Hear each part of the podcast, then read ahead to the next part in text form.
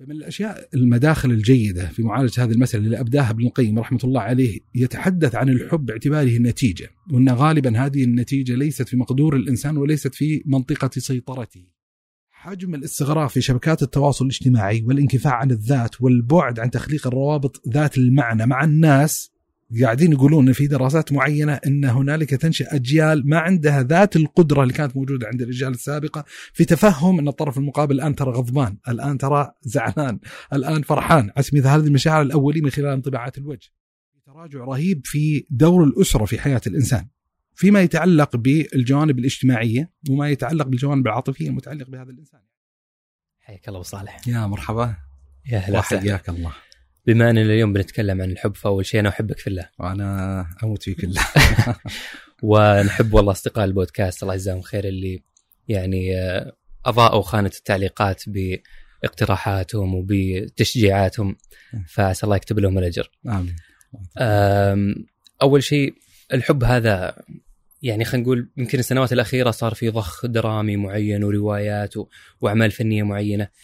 هل هي سبب الاهتمام الموجود بالحب وهذا اهتمام حادث على البشرية وبينما سابقا كان الناس مرجلة وكل واحد يعني يؤدي الأعمال المطلوبة منه بس ما كانت هذه المشاعر لها الحضور في الحياة ولا كانت مهمة ولا كانت مركزية في في الحياة بس بسبب الدراما ولا كانت موجودة من أول ولا وش وضع الحب في زمن الحداثه أظن طبعا الحب يعني هي أحد السمات الإنسانية البشرية الأساسية المركزية. هذه مفترض تكون قضية بديهية. يعني يعني مع التحفظ على بيت الشعر وإيماءاته لكن هو يتضمن قدر من معاني الصحة. لما يقول الشاعر إذا أنت لم تعشق ولم تدري ما الهوى فقم فاعترف تبنى فأنت حمار. على سبيل المثال يعني.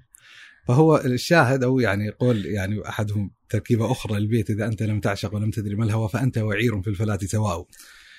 فأظن قضية بديهية يعني استشعرها الإنسان من لحظات كما يقال يعني لما يتفتق وعي الإنسان لمشاعره الذاتية فسينطبع بطبيعة الحال في نفسه محبة لوالده ووالدته على سبيل المثال لإخوته محيط الاجتماع القريب وبعدين تتطور هذه المشاعر. فأنا أظن يعني أحد السمات والخصائص المميزة أصلا للكائن الإنساني البشري إنه يستشعر هذه المشاعر وبالتالي يعني حتى لا يستطيع الإنسان إن يربط قضية الحب أصلا بالتاريخ والسياق الإسلامي على سبيل المثال، لا يعني هو سياق أوسع من ذلك. يعني إلى درجة حتى يعني في تاريخ الأمم والشعوب نسجت حول الحب أساطير وأفكار يعني في محاولة تبرير وتفسير ماهية ما يتعلق بالحب يعني مثلا مثلا يتحدث إن لما وجد الإنسان وجد برأسين ووجد بأربعة أطراف يعني أربعة أيد وأربعة أرجل ثم إن حصل غضب الآلهة هذا مثلا في الفلسفة اليونانية غضبت الآلهة عليه فقسمت وشطرت هذا الإنسان لشطرين وبالتالي الإنسان في هذه الحاله يحاول أن يفتش عن نصفه الآخر وعن شطره الثاني على سبيل المثال.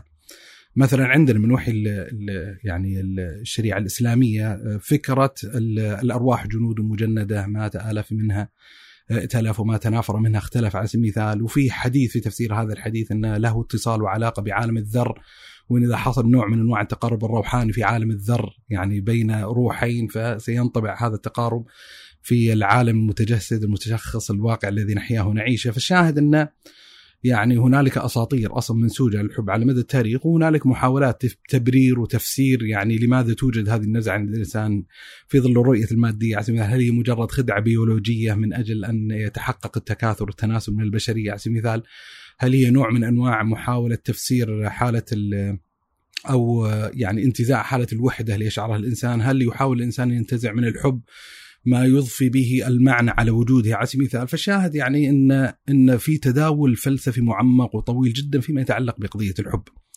وطبعا إذا أفضل الإنسان إلى ما يتعلق بقضية التراث والتاريخ الإسلامي سيجد إنه يعني سيجد الإنسان في الأدبيات الإسلامية يعني تعبيرات أظنها صادمة في التعبير عن قدسية طهورية مركزية الحب أصلا في التصور الإسلامي، يعني من العبارات من الفصول اللي عقدها ابن القيم رحمة الله عليه في كتاب روضة المحبين عنوان لعنوان مطول أن العالم العلوي والعالم السفلي إنما وجد بالحب وأن حركة الشمس والقمر والأفلاك والملائكة والحيوان وكل متحرك فإنما يتحرك يعني خاضعا لقوى الحب إن صح التعبير. وله يعني نظرة فلسفية معمقة فيما يتعلق يعني هو يقسم الحركات إلى حركة إرادية وحركة طبيعية وحركة قسرية ويفسر كل نمط منها بأنماط الحركات بانه لها اتصال بماهية الحب وقضية الحب. وحتى من الروايات اللي ذكرتها أذكر في حلقة الروايات إذا ما كنت واهمه حلقة العزلة رواية The Stand حق حق روائي الرعب ستيفن كينج اللي هي المطولة الرواية وكذا فأحد الالتقاطات الطريفة اللي حقيقة واللي تعبر عن حضور هذا المعنى يعني في ظل ال يعني ال الاختلاف الحضاري الموقوع بين الشعوب الشعوب والامم ان أن الحب يحرك العالم على سبيل المثال وأحد التعبيرات الإنجليزية اللي أجدها حاضرة يعني في كثير من الأدبيات الروائية والأفلام والمسلسلات إن love rocks the world على قولتهم الحب يحرك العالم. ف يعني هذا يعني إذا فتش الإنسان في هذه القضية سيجدها مستغرقة، يعني حتى بعض المفاهيم المتصله بقضية الحب، يعني مثلا لما تجد على لوحة جدارية معينة عبارة يكتبها احدهم بالصبغ الحب عذاب، فتجد أن أصداء هذه العبارة تتردد عند مختلف الأمم مختلف الشعوب، وتجد حتى اصداءها في التراث الإسلامي، يعني الإمام بن حزم في كتابه طوق الحمامة لم يبتدئ الكتاب يتكلم عن فكرة الحب عذاب بين قوسين بشكل من الطرف. يقول يعني الحب يعني هو نوع من أنواع داء عياء. الحب داء عياء لكنه مستلذ يعني إنه نوع من أنواع العذابات المستلذة للإنسان. حتى يحكي أحد القصص المتعلقة بأحد الشباب من قابله ممن تعشق امرأة معينة لكنه محروم منها فكان يعاني معاناة شديدة جدا ويتألم من بعده وعدم انعقاد الوصال. وكان يقول ابن حزم لا تطيب نفسه بدعاء الله عز وجل أن يفرج عنه. يعني ما يستطيع أن يحمل لسانه على أن يدعو الله عز وجل أن يزيل مشاعر الحب والوجدان الموجودة في نفسه تجاه تلك المرأة حتى يتخفف عنه ما يجد. بل يعني من الأشياء الغريبة لما رأى ابن حزم ما ناله من ضمور الجسد والحالة والتعب والإرهاق قال له يعني فرج الله عنك. يقول فتغير وجهه وساءه ذلك وما تمنى يعني أن ينال مثل هذه الدعوة منه. فشاهد ان إن كثير من المفاهيم ممكن تعرض في أثناء الحلقة المتعلقة بقضية الحب أظنه يعني معبرة عن فكرة أساسية ان إن ليست حتى يعني مقترنة ب بشعب معين بتراث معين بحضارة معينة. لا هو مستغرق السياق التاريخي مستغرق الحالة الإنسانية البشرية لأن يعني يجد الإنسان هذه المشاعر الأولية بديهة حاضرة في نفسه. جميل. مو علشان نجيل هش ولا رقائق ثلج ولا شيء إحنا طبيعي إن هذا اللي جالس طيب كلام كبير والله. ويعني أجل يمكن البودكاست نفسه صار ناشئ بناء على يعني الحب سواء حب خدمة الناس مشاركة الأفكار وكذا. طيب آه وش هو هذا الحب اللي إحنا جالسين نتكلم عنه؟ أنت عرضت قبل شوي لي بعض محاولات تفسيرية الغربية للحب مثل الحب آه، في السياق الدارويني إنه مجرد بحث عن إنسان آخر للتكاثر. نعم. طيب وش وجه الحب في المفهوم اللي إحنا نعتقده؟ يعني هو يعني أحد الإشكاليات دام ذكرت الداروينية أحد المشكلات الأساسية الحاضرة في الحضارة والحداثه الغربية أن تسعى لتفسير كل ما يتصل بكان الإنسان البشري تفسيرا داروينيا يعني في الأخير كل التمظهرات الموجودة في هذا الجسد البيولوجي أو ما يتعلق بمشاعر هذا الإنسان أو وجدانياته أو معتقداته أو أي قضية من القضايا في نهاية المطاف هي منتخبة عبر يعني آلية الانتخاب الطبيعي. فلا يخرج عن ربقة الداروينية ما يتعلق بهذه المشاعر الأولية الحاضرة في نفس الإنسان. والمشكلة يعني التعامل مع مثل قضية الحب والمشاعر الإنسانية البشرية أو الإنسان يعني كإنسان وفق هذه الرؤية المادية الجافة الباردة الصلبة مزعجة بشكل كبير جدا. ومشكلتها الأساسية أن تنتزع من الإنسان أقدس ما عنده وأجمل ما فيه. يعني أنا ذكرت هذا المعنى وأشرت إليه في عدة مناسبات أن أكثر المعاني طهورية وقداسة وجلالة وشيء يبعث على التهيب وقشعرار الجلد. ويعني دائما يعني من الأشياء اللي تستهويني جدا جدا في التفتيش عنه في المعطيات المتعلقة بالواقع والتفتيش عنه في بطون الكتب والتواريخ اللي هو قصة الأمومة. يعني ما يتعلق بالمشاعر الحب العجيبة والغريبة التي تبديها الأم رحمة بطفلها. بحيث يقرأ الإنسان يعني في هذه الأدبيات مواقف وقصص في غاية العجب يعني ما أريد الاسترسال بذكر ما توقف الإنسان في هذه القضية، لكن لما ينظر الإنسان في الأدبيات الالحاديه الداروينية حتى هذه القيمة المقدسة، هذه القيمة الجليلة، القيمة الجميلة الحجم يعني مشاعر يعني يعني يكفي في إدراك مشاعر الأم تجاه الطفل إن لما أراد الله عز وجل أو النبي صلى الله عليه وسلم أن يقرب مدلول الحب، حب الله عز وجل لخليقته، رحمة الله عز وجل بخليقته قربها بهذه المشاعر الأولية المدركة للبشر، لما رأى امرأة يعني في الجند تفتش عن طفلها ثم وجدت طفلا فوضعت على صدرها والقمت ثديها. فقال النبي صلى الله عليه وسلم الصحابة ترون هذه قاذفة ولدها في النار. فقالوا لا وهي تقدر لا تفعل. فقال الله أرحم بعبادي من هذه بولدها أو من الأم بولدها. وزي ما ذكرت يعني ما لا أدري استرسال يعني لأن بنقلب الحلقة كل ما يتعلق بقضية أنا عندي سؤال جاي عن يعني تأثير العالم المعاصر وطريقة تعاطيه مع القيم والحياة ككل أي. على الحب. فبنأجل يمكن حديث عن بيصير- آثار يعني هناك. ممكن نتحدث. بس أنا اللي بس اشير اليه هنا؟ يعني إشكالية الداروينية. متحدث يعني خذ أحد التجليات الداروينية فكرة الجين الأناني اللي طرحها ريتشارد دوكنز. على سبيل المثال إن كل المحفزات الحقيقية المؤثرة على الإنسان والبشر هي عائدة إلى مستوى الجينات. يعني ليست حتى خيارات واعي واقعة من الإنسان. لكنه نوع من أنواع المخادعة التي توقعها الجن الجين لأن في حقيقة الأمر لما تتكلم لما تتكلم عن قضية حب البقاء مع مجازية حب البقاء في الفكرة الداروينية فالبقاء المطلوب هو على المستوى الجيني على مستوى الشفرة الوراثية. فحقيقة المشاعر الموجودة تجاه الطفل من قبل الأب أو من قبل الأم ترى هي نوع من أنواع الخدعة الجينية البيولوجية من أجل استبقاء جينات الأم وجينات الإبل ال- ال- الأب في الطفل. ولولا يعني هذا هذه المخادعة التي تمارسها الجينات لما حصل يعني مثلا لحظة الالتقاء الواقع بالجنسين وغيرها. فتلاحظ الحين يعني قدسية التصور المتعلق بفكرة الأمومة وفكرة المحبة الواقعة من الأم مقارنة بهذا السياق البارد يعني أنها قضية مزعجة. فبس هذا يعني قضية مهم. مفاهيم متعلقة. طبعا عندنا مشكلة يعني دائما في التعاطي مع القضايا المفاهيمية ومحاولة صبها في ألفاظ في كلمات في جمل لتقريب مدلولاتها هذه قضية يعني يعني أحيانا لا يستطيع الإنسان الإبانة والافصاح عن المعنى الذي يعتلج في صدره، يعني كل يعني يصعب جدا جدا جدا إن الإنسان لم يستشعر معاني الحب في حياته مرة، أو لم يستشعر معاني الغضب أو الاكتئاب أو الحزن أو أي شعور يعني من المشاعر اللي تعصف الانسان تستطيع إنك تصب يعني هذا الشعور في ألفاظ معينة وتستطيع أن تنقلها لإنسان مثلا أو لكائن معين لم يستشعر هذه المعاني يوما. ولذا لما يأتي الإنسان يفتش في القراءة المنطقية على سبيل المثال فيما يتعلق بهذه المشاعر ومحاوله صبها في تعريفات جامدة سيفاجأ أن طبيعة التعريفات واضح أنها تنتزع قيمة كبيرة جدا من هذه المشاعر ومن هذه الأحاسيس، يعني لما يقال مثلا الغضب هو غليان دم القلب لإرادة الانتقام. إيه فالإنسان الذي يستشعر معاني الغضب ما يستشعر إن هذه الألفاظ والكلمات معبرة يعني بشكل مطابق وحقيقي للمعنى الذي يعتلج في صدره وأن لو نقلنا هذا التعريف إلى إنسان ما حصل عنده هذا القدر المشترك من إدراك مدلول كلمه الغضب ما يستطيع إنه يدرك من خلال مجرد لص هذه الكلمات معنى ال- ال- الغضب. في قضية الحب نفس الإشكالية يعني لأن زي ما ذكرت لك إن هذه إشكالية متعلقة بعالم المعاني عالم الوجدانيات وصب معاني الوجدانيات في تعريفها قدر من الصعوبة.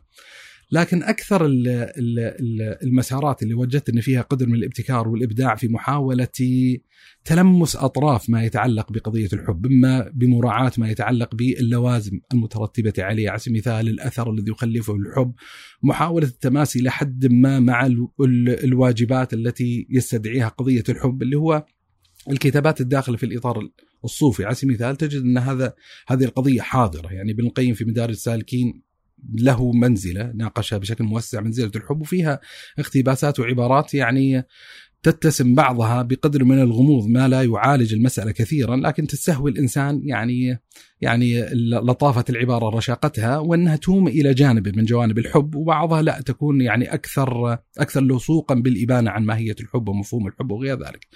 يعني مثلا لما يعرف بعضهم الحب يقول لك هو الميل الدائم للقلب الهائم على سبيل المثال إن هنالك نوع من أنواع الميل الدائم وهنالك نوع من أنواع الهيام الذي يقع به القلب. مثلا لما يتحدث أحدهم فيقول لك ان إن قضية الحب هو إيثار المحبوب على كل مصحوب إن بحيث يتخلى الإنسان عن كل صاحب أو يتخلى عن كل شيء مصاحب له في مقابل أن يؤثر محبوبه.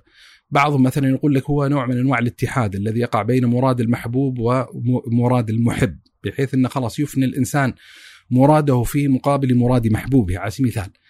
آه بعضهم يقول هو ان تهب مثلا كلك لمن تحب بحيث لا يبقى لك يعني بعد ذلك منك شيء, شيء. منك شيء على سبيل المثال. لكن من التعريفات اللي أظنها يعني معبرة أو تحاول أن تقرب المدلول بطريقة أو بأخرى يعني في في قوالب لفظية وأظن أنه مستدعي الموضوع فعلا انه يوجد الإنسان تعريفا جامعا مانعا لأن قضية شعورية أزعم وأظن أن الأسوياء من البشر جميعا يدركون مثل مدلول ما يتعلق بلفظة الحب وأن من أجمل التجارب اللي ممكن يمر بها الإنسان إنه يدخل تجربه من تجارب المحبة. فمن التعريفات اللي وجدتها يعني لطيفة وجميلة ومقربة إلى حد ما أنه نوع من التعلق بالشيء يبعث على الاستئناس بقرب هذا الشيء والاستحاشي من بعده. إن في نوع من أنواع التعلق ب سواء يعني بشيء جامد على سبيل المثال أو بشخص أو بقضية أو بفكرة ايا كانت في نوع من أنواع التعلق بهذا الشيء بحيث يقع للانسان نوع من أنواع الأنس بالقرب من هذا الشيء ويقع نوع من أنواع الوحشة والاستيحاش متى ما ابتعد عن الشيء. فاظن إنه يعني جميل يعني هذا أحد الثمره هذا. يعني إنه مفيد يعني على الأقل أوضح من من بعض التعريفات اللي وجدتها. يعني صحيح إنها تتسم بقدر من الطرافة لكنها في نهاية المطاف لا تبين كثيرا عن المعنى المطلوب والمراد. طب أول ما ينقال مفهوم الحب على طول ينصرف البال كذا مسلسلات تركية وجو معين يعني. لكن يعني آه، في سياقات أخرى لما يطرح الحب في يعني آه، خلينا نقول كضرورة من ضرورات الوجود ك آه، خلينا نقول أحد أهم مسالك الطريق في هذه الدنيا وأسباب النجاة في هذه الدنيا وقضيه حب الله عز وجل وحب الرسول. اللهم صل هل هذه لما يتكلمون الناس عن حب الله هذه مجازا ولا نفس الحب اللي نتكلم عنه؟ الأنس بالقرب والاستيحاش بالبعد. وش يعني خلينا نتكلم شوي عن قضية حب الله عز وجل. جميل. طيب خلينا نمهد تمهيد قبل ما ندخل في خصوص محبة الله عز وجل. يعني مركزية الفكرة الحب وحضور الحب وشعور الحب داخل التراث الشرعي التراث الديني التراث الإسلامي. يعني أحد المفاهيم المركزية الحاضرة داخل وحي التراث الإسلامي من خلال استقراء جملة عريضة جدا من النصوص، يعني لو أدخل الإنسان في محركات البحث المتعلقة بالقرآن الكريم وبالسنه النبوية لفظة الحب وما يشتق منها المحبة ويعني وغيرها من المدلولات والألفاظ فضلا عن الألفاظ المترادفة سيقف أمام يعني أظن طوفان عارم من الدلالات الوحي المتعلقة بهذه القضية، يعني يعني خذ مثلا الحديث الجميل. الذي يطالب فيه النبي صلى الله عليه وسلم بإشاعة مدلولات الحب بين المؤمنين. لما يقول النبي صلى الله عليه وسلم لا تدخلوا الجنة حتى تؤمنوا ولا تؤمنوا حتى تحابوا. أفلا أدلكم على شيء؟ إذا فعلتموه تحاببتم أشوا السلام بينكم. بالتالي يعني قضية إيمان الإنسان مرتهن بقضية الحب. على سبيل المثال ودخول الجنة مرتهن بالإيمان وبالتالي دخول الجنة مرتهن بقضية الحب. النبي صلى الله عليه وسلم لما يقول لا يؤمن أحدكم حتى يحب لأخيه ما يحب لنفسه. على سبيل المثال.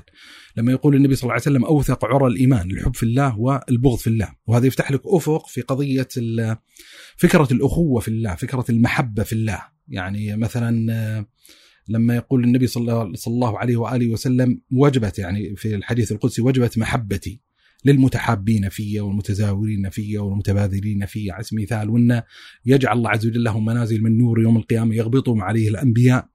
والصالحون لما يتحدث النبي صلى الله عليه وسلم في السبعة الذين يظلهم الله في ظله وما لا ظل إلا ظله ورجلان تحابا في الله اجتمعا عليه وافترقا عليه. ينادي الله عز وجل يوم القيامة أين المتحابون؟ بجلالي اليوم أظلهم في ظلي يوم لا ظل إلا ظلي. فشاهد أن أن قضية المحبة والنصوص الشرعية المتعلقة بقضية المحبة يعني قضية مفصلية ومركزية ولذا أصلا من معاقد المعاقد العقدي العقدية والأبحاث العقدية اللي ممكن يفرد الإنسان لها حديث مطول ما يتعلق بفكرة الولاء وفكرة البراء وإن ترى ما يتعلق بعالم الأحاسيس والمشاعر وما يتعلق بخصوص قضية المحبة هي قضية مفصلية داخلة في أصل الإيمان، داخلة في أصل الإيمان ومن الأصول الشرعية المتعلقة بهذه القضية ما يتعلق بمحبة الله عز وجل، محبة النبي صلى الله عليه وسلم، ثم محبة المؤمنين ومحبة الدين ومحبة الشريعة. طبعا أحد القضايا الجميلة المتعلقة يعني وهي أحد الأفكار اللي دائما أدعو إليها فيما يتعلق بالتبشير بالقضايا المفاهيمية. أن جزء من المأزق أذكر لما تحدث عن قضية العزلة على سبيل المثال وتكلم عن إن إن التقنية المعاصرة قاعد تنتزع من الإنسان قيمة قيم إنسانية كبرى مثل التفكير على سبيل المثال وغيرها المعطيات إن مشكلة ما لم تضع الإنسان أجندة عمل معينة أو وسائل أو أدوات معينة لا يستطيع الإنسان أن يتوصل بالضرورة إلى إدراك يعني كيف يمارس الإنسان مثل هذه العبودية أو هذه القضية. فأحد الجماليات المتعلقة بالشريعة مع الحديث المستفيد فيما يتعلق بفضائل الحب وجماليات الحب وغيرها من المعاني ولكنها في المقابل كذلك تسلك مسرد في كيفية إشاعة هذه القضية بالمؤمنين. يعني إحنا ذكرنا مثلا ما يتعلق بإشاعة السلام بين المؤمنين وهذه قضية مفترض تكون حاضرة يعني في الحياة الاجتماعية بشكل كبير جدا وللأسف قد يدخل الإنسان في بعض الدوائر الاجتماعية فإذا ابادر إنسانا لا يعرفه بالسلام يعني كأنه يحصل نوع من أنواع الاستيحاش أو الاستغراب أو الاستنكار إن كأنه تتطلب منه قضية معينة وإن قصار ما تتطلبه مجرد إلقاء السلام يعني عن الطرف المقابل. النبي صلى الله عليه وسلم لما يقول مثلا تهادوا تحابوا وبالتالي مثلا يدخل في أحد الوسائل الصميمية الأصلية في قضية تخليق حالة المحبة قضية التهادي. من أجمل يعني وأروع الجماليات المتعلقة بقضية الحب في التصور الإسلامي قضية الإشاعة المحبة عبر الترويج والتصريح به والمكاشفة. والنبي صلى الله عليه وآله وسلم على مستوى الوصية مارس هذا صريحا يعني يقول النبي صلى الله عليه وسلم إذا أحب أحدكم أخاه فليخبره بذلك فليخبره بذلك وإن مر أحد الرجال على النبي صلى الله عليه وسلم وعنده أحد الصحابة فقال الصحابي للنبي صلى الله عليه وسلم يا رسول الله إني أحبه فقال له النبي صلى الله عليه وآله وسلم هل أخبرته؟ إذا أحب أحدكم أخاه فليخبره على سبيل المثال النبي صلى الله عليه وسلم يمارس في أحاديث متعددة هذا هذا المكاشفة والتصريح بالشعور. يعني مثلا لما يقول النبي صلى الله عليه وسلم لي معاذ بن جبل يا معاذ إني أحبك. فلا تدع أن تقول دبر كل صلاة وذكر النبي صلى الله عليه وسلم ذكرا. من الأحاديث دائما لما أقرأها يعني أطرب لها الحقيقة. إن النبي صلى الله عليه وسلم كان في الطريق مرة فمر عليه نفر من نساء الأنصار وأطفال الأنصار. فانتصب النبي صلى الله عليه وسلم قائما وقال اللهم إنكم من أحب الناس إلي، اللهم إنكم من أحب الناس إلي، اللهم إنكم من أحب الناس إلي، يعني كل ما يعني لما أقرأ هذا الحديث ويكون يعني حاضرا في وعي حاضر بذهني وأكون أصلي في مسجد وتلفت حولي أشعر يعني بنوع من أنواع المحبة للمسلمين، المحبة للمؤمنين وغيرها من المعاني. طبعا أجمل الأحاديث المعبرة عن هذا المعنى واللي تدل على عدم يعني استيحاش النبي صلى الله عليه وسلم من المكاشفة من المصارحة بقضية المحبة لما أتى عمرو بن العاص رضي الله عنه وأرضاه لي النبي صلى الله عليه وآله وسلم وقال للنبي صلى الله عليه وسلم من أحب الناس إليك؟ يعني طبعا في تاريخ بين النبي صلى الله عليه وسلم وعمرو بن العاص يعني تاريخ في قريش ورجل مرمز وكذا ثم أسلم صحيح متاخرا يعني بعيد صلح الحديبية لكن وجد عمرو بن العاص من الأنس بالنبي صلى الله عليه وسلم ما توهم أنه هو أحب الناس إلى النبي صلى الله عليه وآله وسلم. فأحب إنه يثبت يعني هذه المعلومة الحاضرة في وعيه وادراكه بس يريد إن النبي صلى الله عليه وسلم يضفي على هذا المعنى الذي انقدح في نفسه صك الشرعية فقال من أحب الناس إليك؟ فقال النبي صلى الله عليه وسلم مبادرا عائشة وطبعا اللي يدرك طبيعة أتصور هذا الانطباع الأول موجود عندي اللي يدرك طبيعة السياق والأعراف العربية في ذلك السياق إنه لم يكن معتادا الإنسان يكافح الإنسان في ذلك السياق انه ان كيف علاقتك مع أهلك؟ هل تحب زوجتك على سبيل المثال؟ يعني كأن هذه من الخصوصيات اللي التي لا ينبغي طرقها ولا طرح السؤال علي عنها والذي أظنه أن عمرو بن العاص ما قصد هذا المعنى يعني هو بطبيعة الحال ما قصد أن يسأل عن طبيعة الحب الذي تنعقد بين الرجل وبين زوجته. يعني أنا خارج الحسبة هذه لكن في نوع من أنواع المحبة الأخرى التي أسألك. ومع ذلك النبي صلى الله عليه وسلم مع إدراكنا لذكائه صلى الله عليه وسلم وفطرته ومعرفته بالمقصد الذي عمرو بن العاص لكن حب أنه يسجل للعالم هذا الاعتراف وهذا التصريح بأن أحب الناس إلى قلبه صلى الله عليه وسلم عائشة رضي الله عنها وأرضاها. فقال فمن الرجال؟ يعني كأن شعر أن لسه في مجال. أن يدخل في حيز المحبوب من النبي صلى الله عليه وسلم وهو كذلك رضي الله عنه وأرضاه. فقال يعني فمن الرجال فقال النبي صلى الله عليه وسلم أبوها. وطبعا هنا بعد يبقى الملاحظة أن كأن مركزية الحب ومعيار الحب اللي هو إنه يعاد. يعني ما قال أبو بكر الصديق رضي الله عنه وأرضاه وإنما أكد محبة النبي صلى الله عليه وسلم لعائشة ثانية بنسبة المحب المحبوب الثاني إليها رضي الله عنه وأرضاها. فقال أبوها ثم سأل ثم من؟ فذكر رجالا ثم كأنه توقف عمرو العاص خشية أنه يتأخر اسمه يعني كثيرا جدا. فهذا من الأحاديث حقيقة يعني الجميلة والمعبرة عن معنى أظن أن كثير من الناس قد يستوحش من يعني من ذكره يعني في الفضاء العلني وأظن أن أحد المفردات التي لا تجري على ألسنتنا بقدر كاف أني أحبك مع أن الشريعة قاعد تضغط وتدفع إلى محاولة إشاعة هذه القضية بين الناس. ولذا يعني حتى لما ينظر الإنسان في طبيعة المجتمع المدني مجتمع النبي صلى الله عليه وسلم كان يعني ليس معنى يعني أدركناه فقط من خلال حديث عمرو بن العاص رضي الله عنه وأرضاه، لا اللي يبدو من خلال السياق التاريخ اللي عاش فيه النبي صلى الله عليه وسلم كان هذا امرا بديهيا مدركا لجمهور صحابة النبي صلى الله عليه وسلم إن أكثر الناس يعني ممن يحبهم النبي صلى الله عليه وسلم هي عائشة ولذا كان يتقصد صحابة النبي صلى الله عليه وسلم أن يهدوا النبي صلى الله عليه وسلم في اليوم الذي يكون فيه يعني النوبة فيه عند عائشة رضي الله عنه وأرضاها حتى يعني من الأشياء الطريفة اللي ترتبت على ذلك إن أمهات المؤمنين كأن وقع في نفوسهم الغيرة ويعني أرسلوا يعني قصة طويلة طبعا أرسلوا أم سلمة رضي الله عنه وأرضاها أن نساءك ينشدن كالعدل في ابنة أبي بكر. قصة طويلة لكن أحد مواطن الشاهد ذكرنا قضية الحب يعني مناسبة لها كذلك اللي هو إن إن وسطوا بينهم وبين النبي صلى الله عليه وسلم فاطمة بنت النبي صلى الله عليه وآله وسلم. فأرسلوها فجاءت فاطمة للنبي صلى الله عليه وسلم وقالت إن نساءك ينشدنك العدل في ابنة أبي بكر. فلاحظ التعبير اللي استخدم النبي صلى الله عليه وسلم مما يؤكد فعلا يعني طبيعة الميول النفسية اللي كانت تعصف به حياله. يعني عائشة رضي الله عنه وأرضاها قال يا بني أتحبينني؟ فقالت نعم يا رسول الله. فقال فإني أحبها. يعني كأنه يقول لها إذا أنت تحبيني فمن تمام المحبة أن تحب ما يحبه المحبوب. وبالتالي ما استطاع طبعا تجيب النبي صلى الله عليه وسلم بشيء أكثر من ذلك وانصرفت. وبعدين في تمام الحديث ما يتعلق بزينب بن جحش وحتى أحد الالتقاطات المتعلقة بقضية الحب إنه تذكر عائشة إنه يعني ليش وسطت زينب بن جحش؟ قال وهي التي كانت تساميني عند النبي صلى الله عليه وسلم. يعني إن هنالك نوع من المنافسة في قضية محبة النبي صلى الله عليه وسلم فإذا افترضنا إن عائشة من نسائه رقم واحد فالتي كانت تساميها على الأقل في يعني الذهن وخلفية عائشة كانت زينب بن جحش رضي الله عنه وارضاها طبعا ما نجد الاسترسال فيما يتعلق بهذه القصة لكن هو موطن الشاهد يعني موطن الشاهد الأساسي والقضية المهمة إن يعني قضية الحب مركزية في التصور الإسلامي يحث عليه يبني عليه فضائل يبني عليه ثواب يبني عليه أجور يشترطها لدخول الجنة يذكر للمسلمين جملة الوسائل في التعاطي مع هذه القضية. طيب بعد كل السالفه هذه نرجع حق السؤال اللي هو محبة محبة الله محبة عز الله عز وجل. بس يعني أي. كمدخل برضو لحب الله لما قلت إنه قال هذا مدخل المدخل. إنه يعني عائشة لما قالوا ثم من؟ قال أبوها يعني مركزية حب عائشة. آه، جاب بالي إن حب الله عز وجل برضو يمكن هو المركزية لكل ما يأتي بعده من حب الرسول عليه السلام. يعني هذه كلها فروع عن حب الله سبحانه وتعالى. يعني حتى أذكر كان في نقاش على بيتزا مع بعض الأصدقاء في أحد الملاحق وكانت في الكرة مشغلة.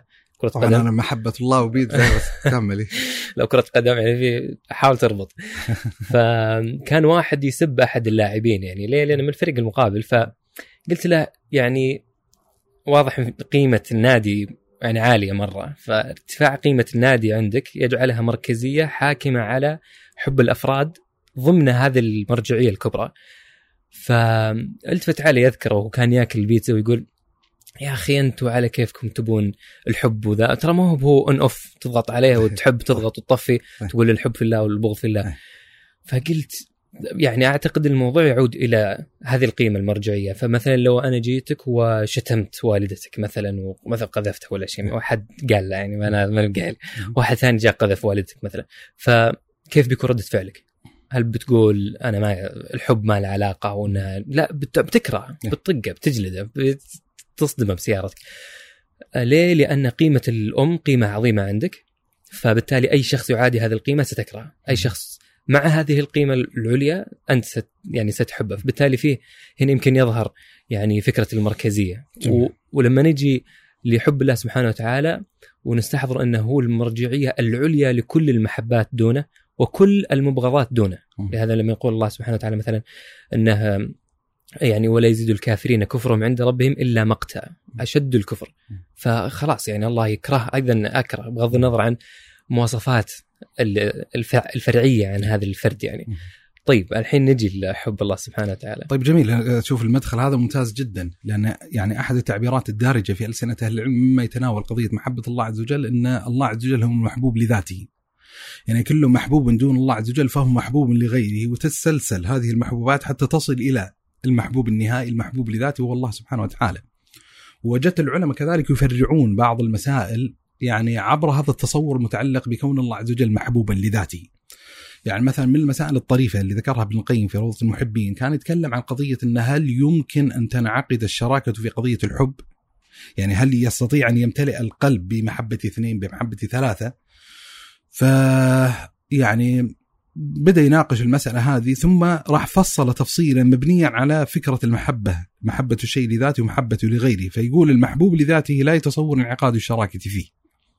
ولذا مثلا يستجب مثل قول الله عز وجل والذين آمنوا أشد حبا لله، يعني بمعنى إذا وزع الإنسان المحبوب لذاته على أكثر من محبوب أنقص ذلك يعني ما يستطيع إنه يخلق حالة المساواة بينهم في الدرجه العليا. فهذه قضية مفصلية وقضية أساسية وهي تضبط بوصلة الإنسان في قضية المحبة بشكل عام وبوصلة الإنسان كذلك في في تدينه في تنسكه في تعبده فيما يتعلق بهذه الحياة الدنيا. أن في نهاية المطاف الجهة العليا التي يريد أن يحقق إرضاءها ومحبتها هو الله سبحانه وتعالى، ولذا النبي صلى الله عليه وسلم يقول من ابتغى يعني رضا الناس بسخط الله عز وجل سخط الله عليه واسخط عليه الناس، ومن ابتغى رضا الله بسخط الناس رضي الله عنه وأرضى عنه الناس، هذه قضية أساسية. من التعبيرات الجميلة اللي ذكرها ابن تيمية وذكرناها أذكر أظن في مناسبة يعني في إحدى الحلقات عبارة جميلة لابن تيمية إن الله يحب أن يحب. وبالتالي يعني أحد المقامات التعبدية التي يطالب الله عز وجل بها العباد تحقيق المحبة له سبحانه وتعالى، إن الله يحب خلق الخلق من أجل أن يحب تبارك وتعالى، هذه قضية جميلة. يعني وإدراك أغوار ما يتعلق بهذه العبارة جيدة، بل يستطيع الإنسان أن يعيد إنتاج المفهوم المركزي في التصور الاسلامي وهي قضية عبودية الله سبحانه وتعالى، يعني أعظم الكلمات الموجودة في وحي الشريعة يعني مثل ما قال النبي صلى الله عليه وسلم وخير ما قلت أنا والنبيون من قبلي لا لا إله إلا الله. يعني من ضمن الذكر والدعاء قضية الشهادة. ومفهوم العبادة هي القضية المركزية. زين؟ ومنزلة العبودية لله عز وجل هي أعلى الرتب وعلى المنازل ممكن تتحقق للإنسان. يعني إن إن إن أفضل الألقاب التي أصبغت على النبي صلى الله عليه وسلم لما تحدث الله عز وجل عن النبي صلى الله عليه وسلم باعتباره عبدا له تبارك وتعالى. والله عز وجل إذا أراد تخليق حالة الاناث بينه وبين خلقه قال يا عبادي وغيرها من يعني الألفاظ يعني في أبيات شعرية متحدثة في هذا الإطار. إذا دقق الإنسان في قضية العبادة ودقق الإنسان في مفهوم وفكرة الإله، يعني أحد الاشتقاقات الطريفة يعني العلماء يبحثون قضية اسم الله تبارك وتعالى الله هل هو مشتق أو غير مشتق؟ والمرجح إنه مشتق. طيب مشتق من ماذا في العربية؟ فيذكرون اقوالا فمن ضمن الأقوال المذكورة أنه مشتق من الوله إنه مشتق من الوله وهو احد الأسماء المعبرة عن قضية الحب. وإذا خاض الإنسان قليلا فيما يتعلق بمدلول كلمة الحب يجد أن الحب أو الآسف العبودية أو العبادة في مدلولها اللغوي العربي يتحدثون عن قضية التذلل. يقول لك أن هذه طريقة معبدة يعني مذللة. لكن التعبد المصحح عند الله سبحانه وتعالى الذي يكون عبادة له تبارك وتعالى يشتمل على ركنين أو قضيتين أساسيتين قضية المحبة وقضية الذل. قضية المحبة مضافة إلى مدلول كلمة العبادة في اللغة العربية المحبة. وبالتالي إذا وقع مطلق التذلل من العبد غير مقرون بمعنى المحبة فلا يكون عبادة صحيحة لله سبحانه وتعالى. لاحظ الحين كيف يترتب الأثر. فولذا يقول ابن القيم في في في النونية وعبادة الرحمن غاية حبه مع ذل عابده هما ركنان فقضيه الركن الأول المحبه بل إذا نظر الإنسان في الأدبيات المتعلقة بقضية المحبة سيجد إن العبادة الصحيحة في لبها ومركزها هي المحبة. يعني بمعنى هنالك ذل يقع فيه الإنسان بسبب المحبة. يعني هي ليست ركنان منفصلان يعني مو تذلل ناشئ لاعتبارات معينة ثم ينقدح المحبة لاعتبارات أخرى. لا اللي أدعيه وأزعمه إن المحبة إنما انعقدت يعني وورثت وولدت الذل الذي يريده الله سبحانه وتعالى. يعني يقع الإنسان في حالة من حالات المحبة التي يضطر لأجلها أن يتذلل لمحبوبه بما يجعله داخلا في مفهوم العبادة. ولذا أصلا جزء من عبقريات اللغة العربية، يعني ابن القيم لما تحدث في روض محبين في البدايات عن قضية المحبة قال إن العرب جعلت أكثر من 60 عنوانا للمحبة. يعني عندنا درجات فيما يتعلق بالمحبة درجات معينة ولذا النبي صلى الله عليه وسلم مثلا يقول في الحديث الصحيح يقول لو كنت متخذ من أهل الأرض خليلا لاتخذت أبا بكر خليلا وبالتالي الخلة هي محبة بس تعبر عن كمية المحبة تعتبر مرتفعة. وعندنا كيفيات للمحبة. يعني على سبيل المثال المحبة التي يجدها الابن لأمه مختلفة جذريا عن المحبة التي يجدها الزوج لزوجه على سبيل المثال أو الأب لابنته. على سبيل المثال أو الأخ لأخيه أو الصديق لصديقه، صحيح أن كلها مشتملة تحت لحظة المحبة وهذه الارتباكات المتعلقة بتحرير مفهوم المحبة. لكن جزء من عبقرية اللغة العربية إن كل معنى من المعاني هذه تحاول أن تولد له عنوانا يصير معبر عن هذا الشعور الخاص. فتجد العشق على سبيل المثال هو المحبة الحاصلة بين الجنسين على سبيل المثال. بخلاف مثلا إن ما يصحح استخدامه مثلا في علاقة الابن بالأم على سبيل المثال أو علاقة العبد بالله عز وجل على سبيل المثال. موطن الشاهد إن أحد الاستعمالات العربية يقول التتيم إن فلان متيم. طيب إيش فكرة متيم وتيم الله هي حقيقتها محبة المتيم هو المحب لكنها المحب المقترن بحالة من حالة التذلل الذي يدخله في دائرة العبودية والتي بالتالي لا يصح أن تكون يعني منصرفة إلا لله تبارك وتعالى. وبالتالي يعني لا تستطيع لما تتحدث عن قضية محبة الله عز وجل تستطيع أن توجد بينها قناة ورابطه بأصل العبادة يعني بالفكرة الأساسية المركزية التي ابتعث الله عز وجل لاجلها الرسل.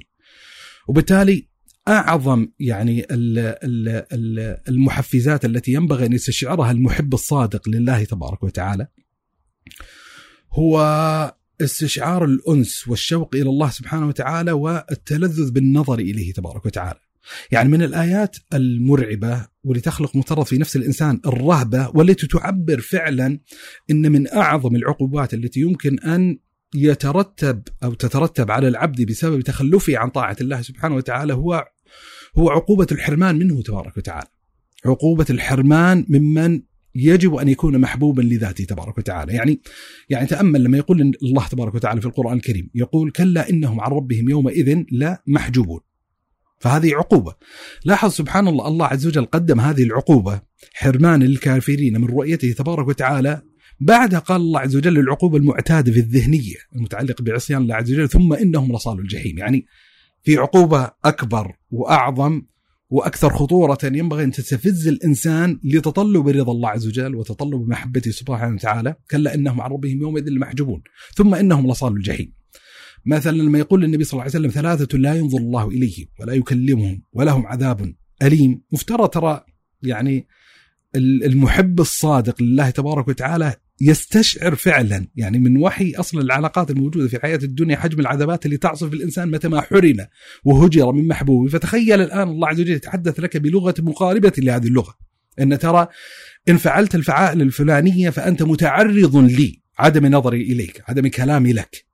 إضافة عليه لك عذاب أليم. أعتقد أن هذه قضية يعني خطيرة. ودائما يعني أع... يعني أجمل الأبيات الشعرية في نفسي. يعني أظن هذا في الحوارات التقليدية أحيانا لما يقال يعني اذكر المثل الذي يذكر على لسانك دوما اذكر البيت الشعري. فدائما البيت الشعري الذي لا أمل دائما من ترداده وتكراره ودائما يطربني وهو في صميم القضية. نتحدث عنها يعني قول الشاعر والله أعلم بمن هو الشاعر هل هي رابع العدوية أم غيرها يعني؟ فليتك تحلو والحياة مريرة وليتك ترضى والأنام غضاب وليت الذي بيني وبينك عامر وبيني وبين العالمين خراب إذا صح منك الود فالكل هين وكل الذي فوق التراب تراب.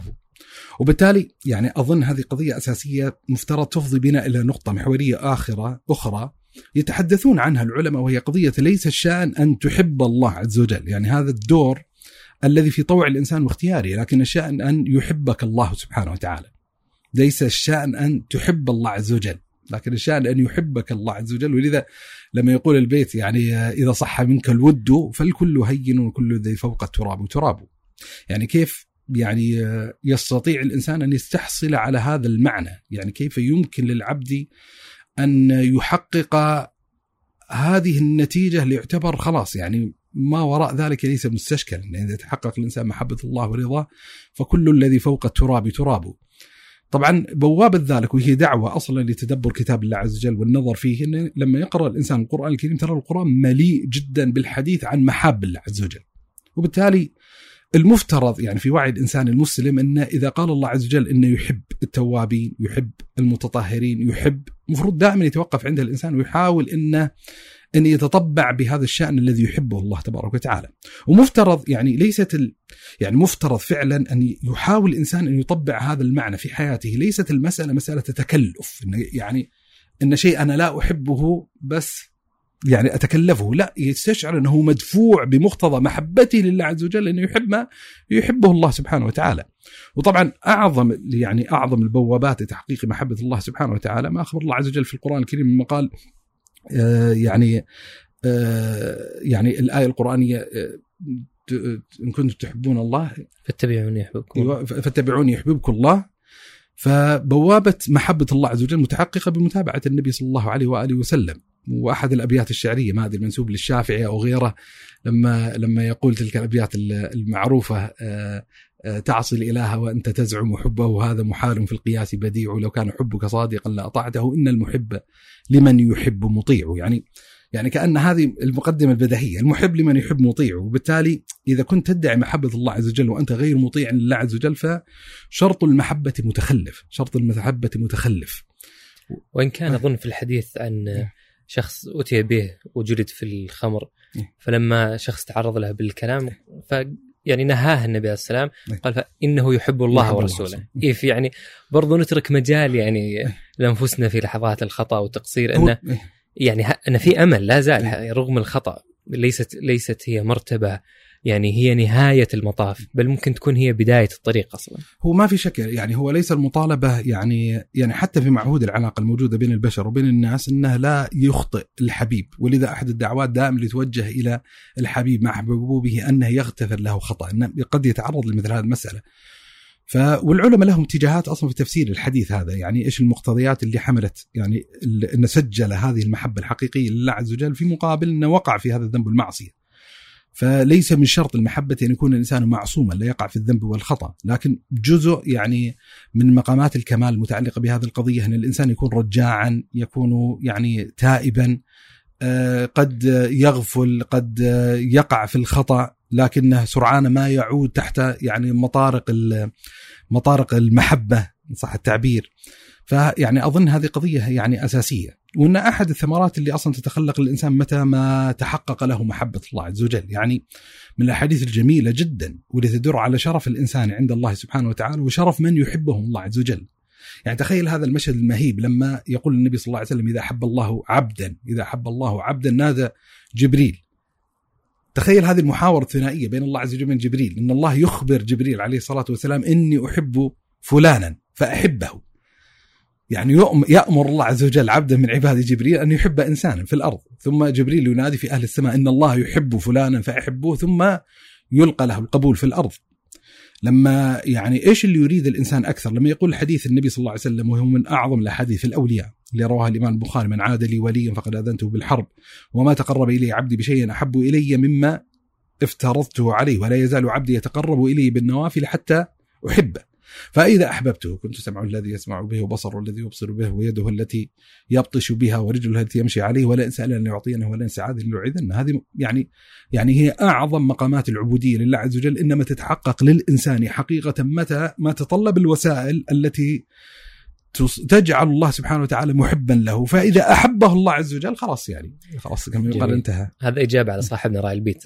إنه يعني في أيوه. في وسائل معينة تمارسها حتى تصل إلى أيوه. شعور المحبة. أيوه. وأذكر استشكلت في بداية يعني موضوع الخطبة والملكة فحضرت دورة فكان ضمن الدورة أنه ترى الحب يعني آه، خلينا نقول ليس شرطا حلو في الزواج. و ترى الحب خلينا نقول هبة ربانية ليست مكتسبة ابدا. وأن كذا الحب أصلا فما في حد يقول إنه يعني مثلا آه، إذا ما حبيت بواجه مشكلة كذا. الشاهد كان هذا جزء منطرح في البرنامج.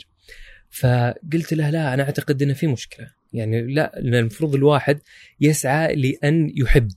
حلو؟ فقال أنا عندي لك الدليل الدامغ. أيوه. وش الدليل؟ قال آه إن الرسول عليه الصلاة والسلام ذكر عن خديجة إني رزقت حبها إيه. فرزق هذا. إيه. فبما أنه رزق بالتالي آه أنت مالك يد في الموضوع. رغم أنه دليل على أنه يبي له سعي. إيه. مثل ما انه رزق المال انت تسعى له في النهاية رزق من الله سبحانه وتعالى. برضه رزق الحب يعني يحتاج مثله مثل مثل المال يعني. تسعى بمثل هذه الأسباب. وأذكر آه، الغزالي في الإحياء آه، وضع ستة أحباب ستة أحباب ستة أسباب لأجلها الإنسان ممكن يحب أي شيء أو, أو شخص. وكان مثلا من ضمنها حسن السيرة آه، أنها ذو فضل عليه وما إلى ذلك ستة أسباب. فجاء جمع هذه الستة أسباب وأبان عن أنه يعني آه، خير من تتحقق فيه وأكمل من تتحقق فيه هذه الأسباب الستة هو الله سبحانه وتعالى. فيعني حط حط مجموعة أسباب ممكن الإنسان إنه يمشي عليها واحدة واحدة ويحط لها خطة معينة بحيث يعني يزيد حب الله عز وجل في قلبه. جميل. ثم يأتي في المرتبة الثانية حب النبي اللهم صل وسلم عليه. واللي فيه الدليل يعني لما يعني عمر بن الخطاب وهذا يستغرب كيف عمر بن الخطاب يعني أصلا يعني الرسول أعطاه هذا الأمان إنه يجي يقول له يعني انه أحبك إلا من نفسي، هذا إنسان صادق و... ثم الرسول قال إلا من نفسك يا عمر فقال يعني الآن من نفسي.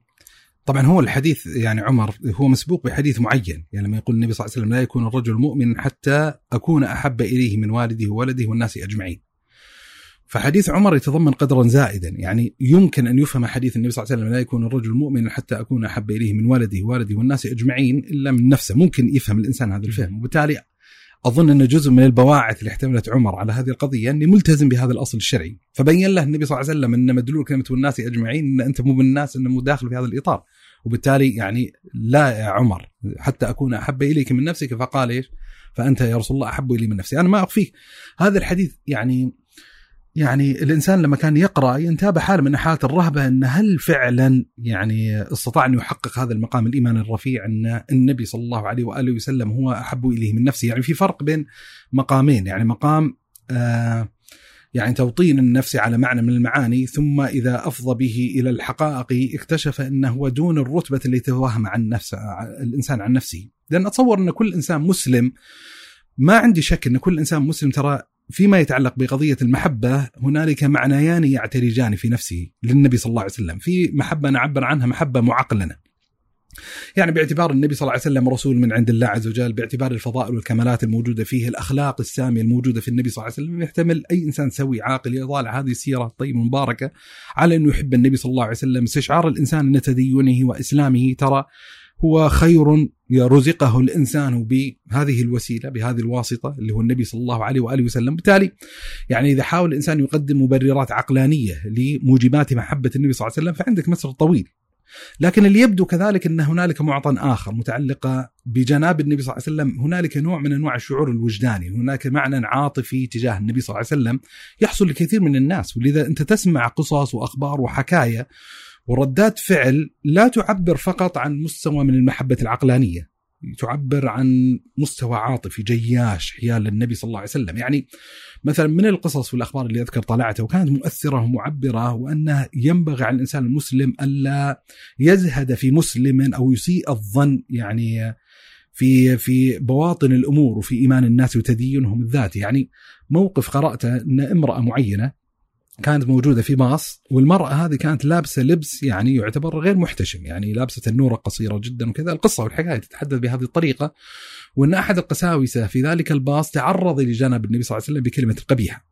فيقول حاكي القصة وهو أحد دعاة المشايخ يقول أن هذه المرأة قامت من كرسيها وترتجف من شدة الغضب وتقول له إلا الرسول صلى الله عليه وسلم. يعني أن يعني أن لا تتعرض لمقام النبي صلى الله عليه وسلم. فأنت تشوف الهيئة الظاهرة غير مساعدة على تصور مثل هذا المقام اللي قد يعني يكون هنالك إنسان مسلم في يعني مقام آخر قد يتحرج أو يستحي أو يضعف إنه يقوم بمثل هذا الدور اللي قامت به هذه المرأة. فهذا يعني أظن إن إن استحضار هذه المشاعر حيال النبي صلى الله عليه وسلم ضروري يعني أن يدركها الإنسان المسلم وهي بكل حال يعني مشاعر إيجابية من الطرفين سواء الجانب المعقل في هذه المعادلة أو الجانب العاطفي، والجانب العاطفي ليس ليس معنى اجنبيا حتى من وحي الشريعة، يعني مثلا من الأخبار الجميلة المروية عن النبي صلى الله عليه وسلم إنه كان يخطب صلى الله عليه وسلم على جذع نخلة. فلما بني للنبي صلى الله عليه وسلم بعد ذلك منبر سمع من النخلة صياح. فأتاه النبي صلى الله عليه وسلم وضم تلك النخلة أو ذلك الجذع ليهدئ يعني من روعه كتهدئة الوالد للولد الطفل يعني الرضيع. ويذكر حتى المعنى هذا في الرياء وأن الحسن البصري كان لما يحدث بهذا الحديث كان يبكي متاثرا ويقول النبي صلى الله عليه وسلم يحن للنبي صلى الله عليه وسلم أفلا تحنون إليه؟ صلى الله عليه وآله وسلم. والنبي صلى الله عليه وسلم تحدث يعني عن هذا النمط من أنماط المحبة أن أحب يعني من أحب أمتي إلي أو يعني يعني أكثر يعني الأمة محبة للنبي صلى الله عليه وسلم رجال يأتون من بعدي يود يعني لو أنه رآني بولده وماله يعني وغير ذلك من المعاني فأنا أظن هذه يعني قضية يعني أساسية فيما يتعلق بمحبة النبي صلى الله عليه وآله وسلم. طبعا سبحان الله من المعاني لما ذكرت حديث عمر أحد الإشكاليات هنا أشرت لها إشارة بس جينا تدري السطرات يمين وشمال اللي هو قضية إن كيف يستطيع الإنسان ان أن يطمئن على الأقل أن حقق هذا الواجب الشرعي بمحبة النبي صلى الله عليه وسلم محبة تفوق محبة الإنسان لنفسه وأن هذا أصلا جزء من معادلة يعني تحقيق ذوق الإيمان اللي تحدث فيه النبي صلى الله عليه وسلم، ثلاث من كنا فيه وجد بهن حلاوة الإيمان، ان أن يكون الله ورسوله أحب إليه مما سواه، وأن يحب المرء لا يحبه لله وأن يبغض أو يكره أن يعود إلى الكفر كما يكره أن يقذف في النار. من الحلول الجميلة اللي وقت عليها أحد علماء الإسلام اسمه أسد بن الفرات. أتاه رجل شاكيا ذات الشكوى، يعني أتى لأسد بن فرات وهو إمام فقيه محدث وطرح عليه نفس الإشكال، نفس التساؤل، يقول له يعني يقول النبي صلى الله عليه وسلم لا يكون الرجل مؤمنا حتى أكون أحب إليه من والده وولده والناس أجمعين فيبغى يطمئن يعني انتابه نوع من أنواع الوسواس والتخوف إنه ما حقق هذا المعنى. فقال لو قدر يعني أرأيت لو قدر أن النبي صلى الله عليه وسلم قدم للقتل. أن النبي صلى الله عليه وسلم قدم للقتل في قبيلة في مجتمع معين في سياق تاريخي معين ورأيت النبي صلى الله عليه وسلم يقدم للقتل. وان كان في مكنتك أن تحل محل النبي صلى الله عليه وسلم، يعني أن تقتل دون أن يقتل النبي صلى الله عليه وسلم، أتفعل ذلك؟ قال إي والله. يعني أني أنا مطمئن أن لو حصل هذه اللحظة التاريخية أني أجد من مشاعر المحبة ما أفدي النبي صلى الله عليه وسلم بنفسي. قال ووالدك ووالدك والناس بالعين؟ قال نعم. فقال يعني فاطمئن ان, ترى أنت حققت المطلوب قال يعني فرجت عني فرج الله عنك وأنا أذكر سبحان نفس الشعور لما قال فرجت عني فرج الله عنك لما قريت قلت فرج الله عنك يا أسد بن فرات فالشاهد إنه يستطيع الإنسان ان ان أن يقدم أشبه المعايرة أو المقياس الذي يستطيع من خلاله الإنسان أن يخلق نوع من أنواع الطمأنينة وأنا أزعم إن عامة المسلمين ترى يستشعرون هذه المعاني حيال جناب النبي صلى الله عليه وسلم وإن الواحد منا ينتابه مشاعر الغضب للنبي صلى الله عليه وسلم أعظم بكثير جدا من مشاعر الغضب الذي ينتابه لو تعرض لنفسه أو لوالده أو لولده أو لأي فرد من أفراد المسلمين على سبيل المثال. فهذه يعني قضية أساسية ويعني يعني يعني الحديث في قضية محبة النبي صلى الله عليه وسلم يعني مسار مسار متسع وإن أحد يعني المجالات المحببة على الأقل اليه فيما يتعلق بهذا الإطار ان إن ضرورة يعني بالإضافة إلى قضية متابعة النبي صلى الله عليه وسلم والاستنان بسنته صلى الله عليه وسلم محبة ما يحبه النبي صلى الله عليه وسلم وحتى يعبر عن مشاعر الغير معقلنة والعاطفية. يعني مثلا أنس بن مالك رضي الله عنه وأرضاه لما يتحدث عن محبة النبي صلى الله عليه وسلم المطعومات وأن النبي صلى الله عليه وسلم كان يتتبع الدباء كان يحب النبي صلى الله عليه وسلم القرع في الطعام فيقول فأحببت الدباء لمحبة النبي صلى الله عليه وسلم له.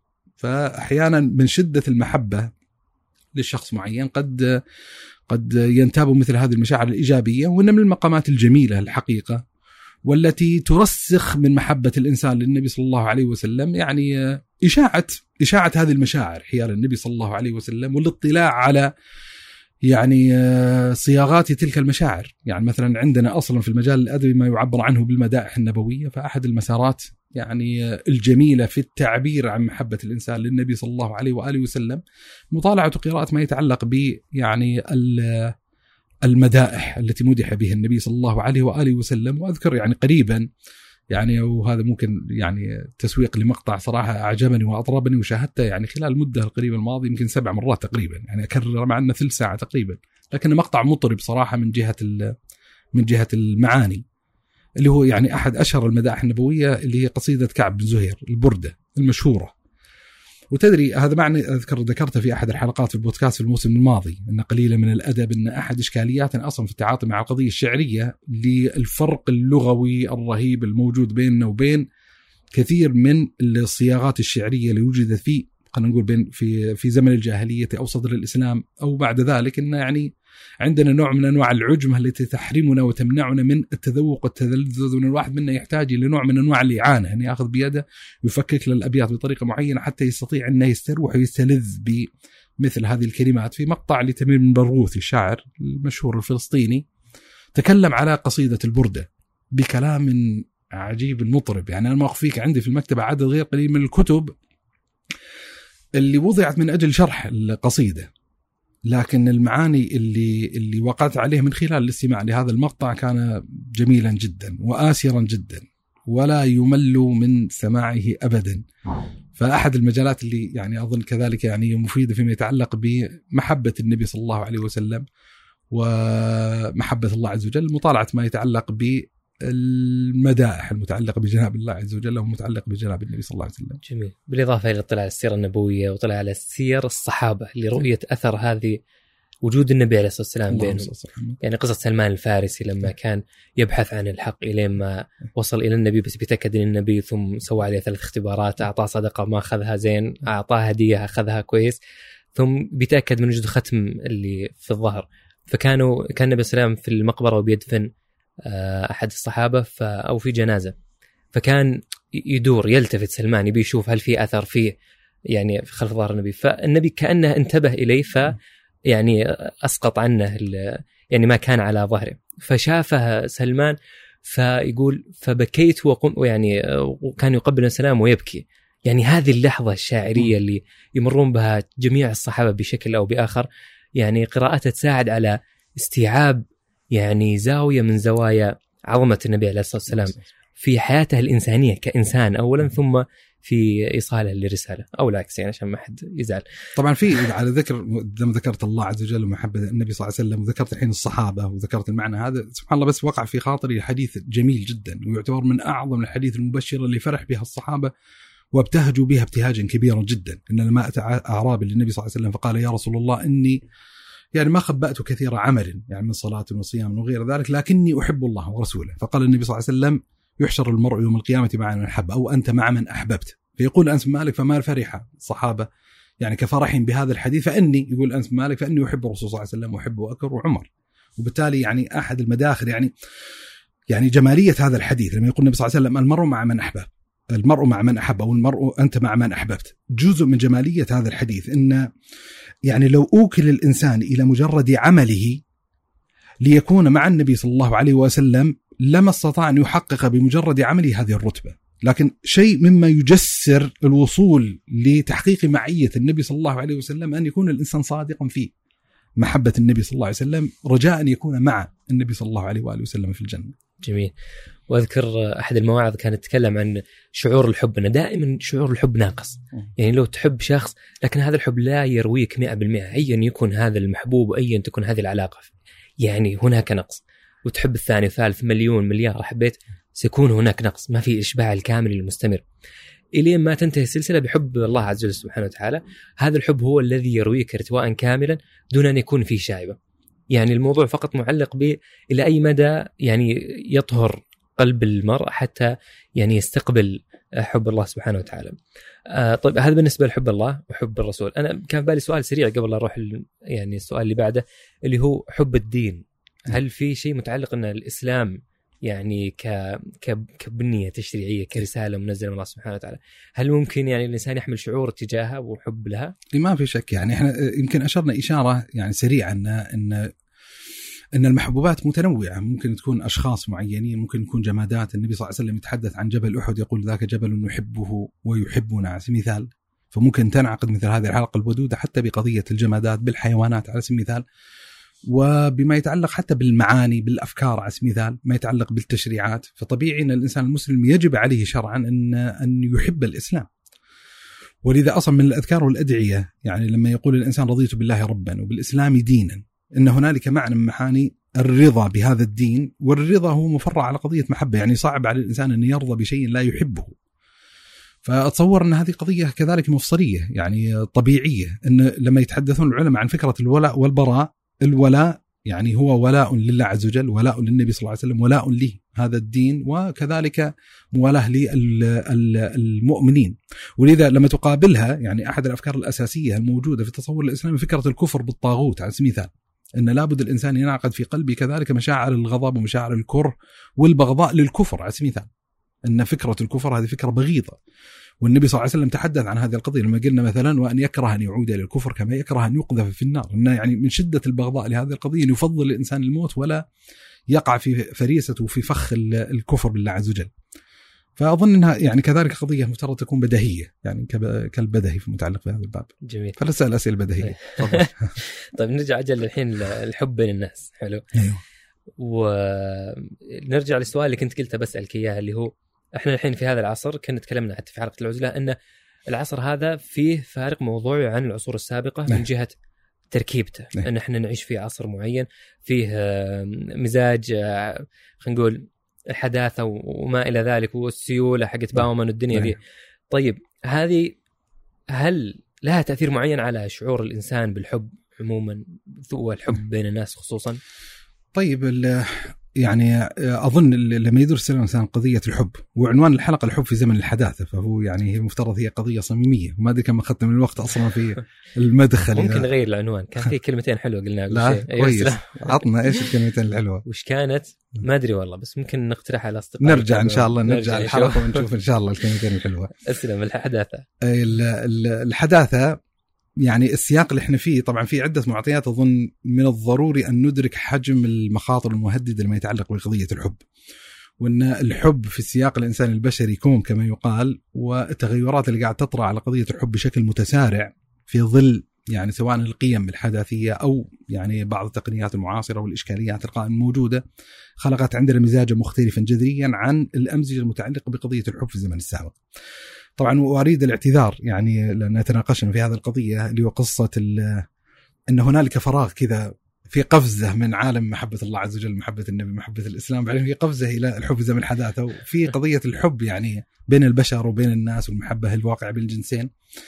فإحنا أثرنا لحجم الموضوع هذا الكنف والمعالجات إنه مفترض إنه يرجى الحديث عنه في حلقة مستقلة وبالتالي في قفزة مباشرة إلى الإشكاليات الحاصلة في قيم الحداثة. آه حلو يعني قضية الحب الجنسين والدنيا إيوه هذه السلطة هذه كلها ممكن نجيها حلقة إيه، جاية لأن حلقة لأن يعني صعب والله يبي لها موسم. كامل. يبغى لها موسم كامل الزمن هذا. إحنا قلنا اذا أنت لم تعشق ولم تدري ما الهوى قصة طويلة زين. كارثة ذي. وإني لتعروني لذراك هزة كما انتفض العصفور بل أنا القطر يبغى لك كذا. بنقلب غزل الفقهاء. طبعا في كتاب للشيخ علي الطاوي في غزل الفقهاء ويستطيع الإنسان يعني كتاب تراثي بس. نرجع لموضوعنا الحداثة. ال-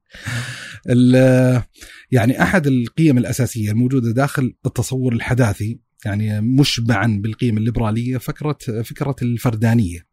يعني إذا تأمل الإنسان فكرة الحرية في أو الليبرالية هي تقوم على ركيزتين أو تستطيع أن تقلب تلك الركيزتين ركيزة واحدة الحرية والفردية أو الحرية الفردية. فأحد الامزجه الأساسية اللي يستطيع الإنسان ملاحظتها وإدراكها أتصور من ذاته من خلال المجتمع القريب الذي يعيش فيه فكرة ال- الفردانية أو الفردية، فكرة الانعزالية، فكرة الاستقلالية، عدم رغبة الإنسان من الانضواء تحت كنف الأسرة والعائلة أو المحيط الاجتماعي. ولذا أحد التغيرات الكبيرة اللي قاعد تحصل عندنا، يعني خذ مثلا جملة من التغيرات الغريبة. من الأشياء المعتادة الحديث عنها الحديث عن الإنسان باعتبار هنالك فضائين يملأهما الإنسان في حياته، في فضاء يسمونه الفضاء العام وفي فضاء يسمونه الفضاء الخاص.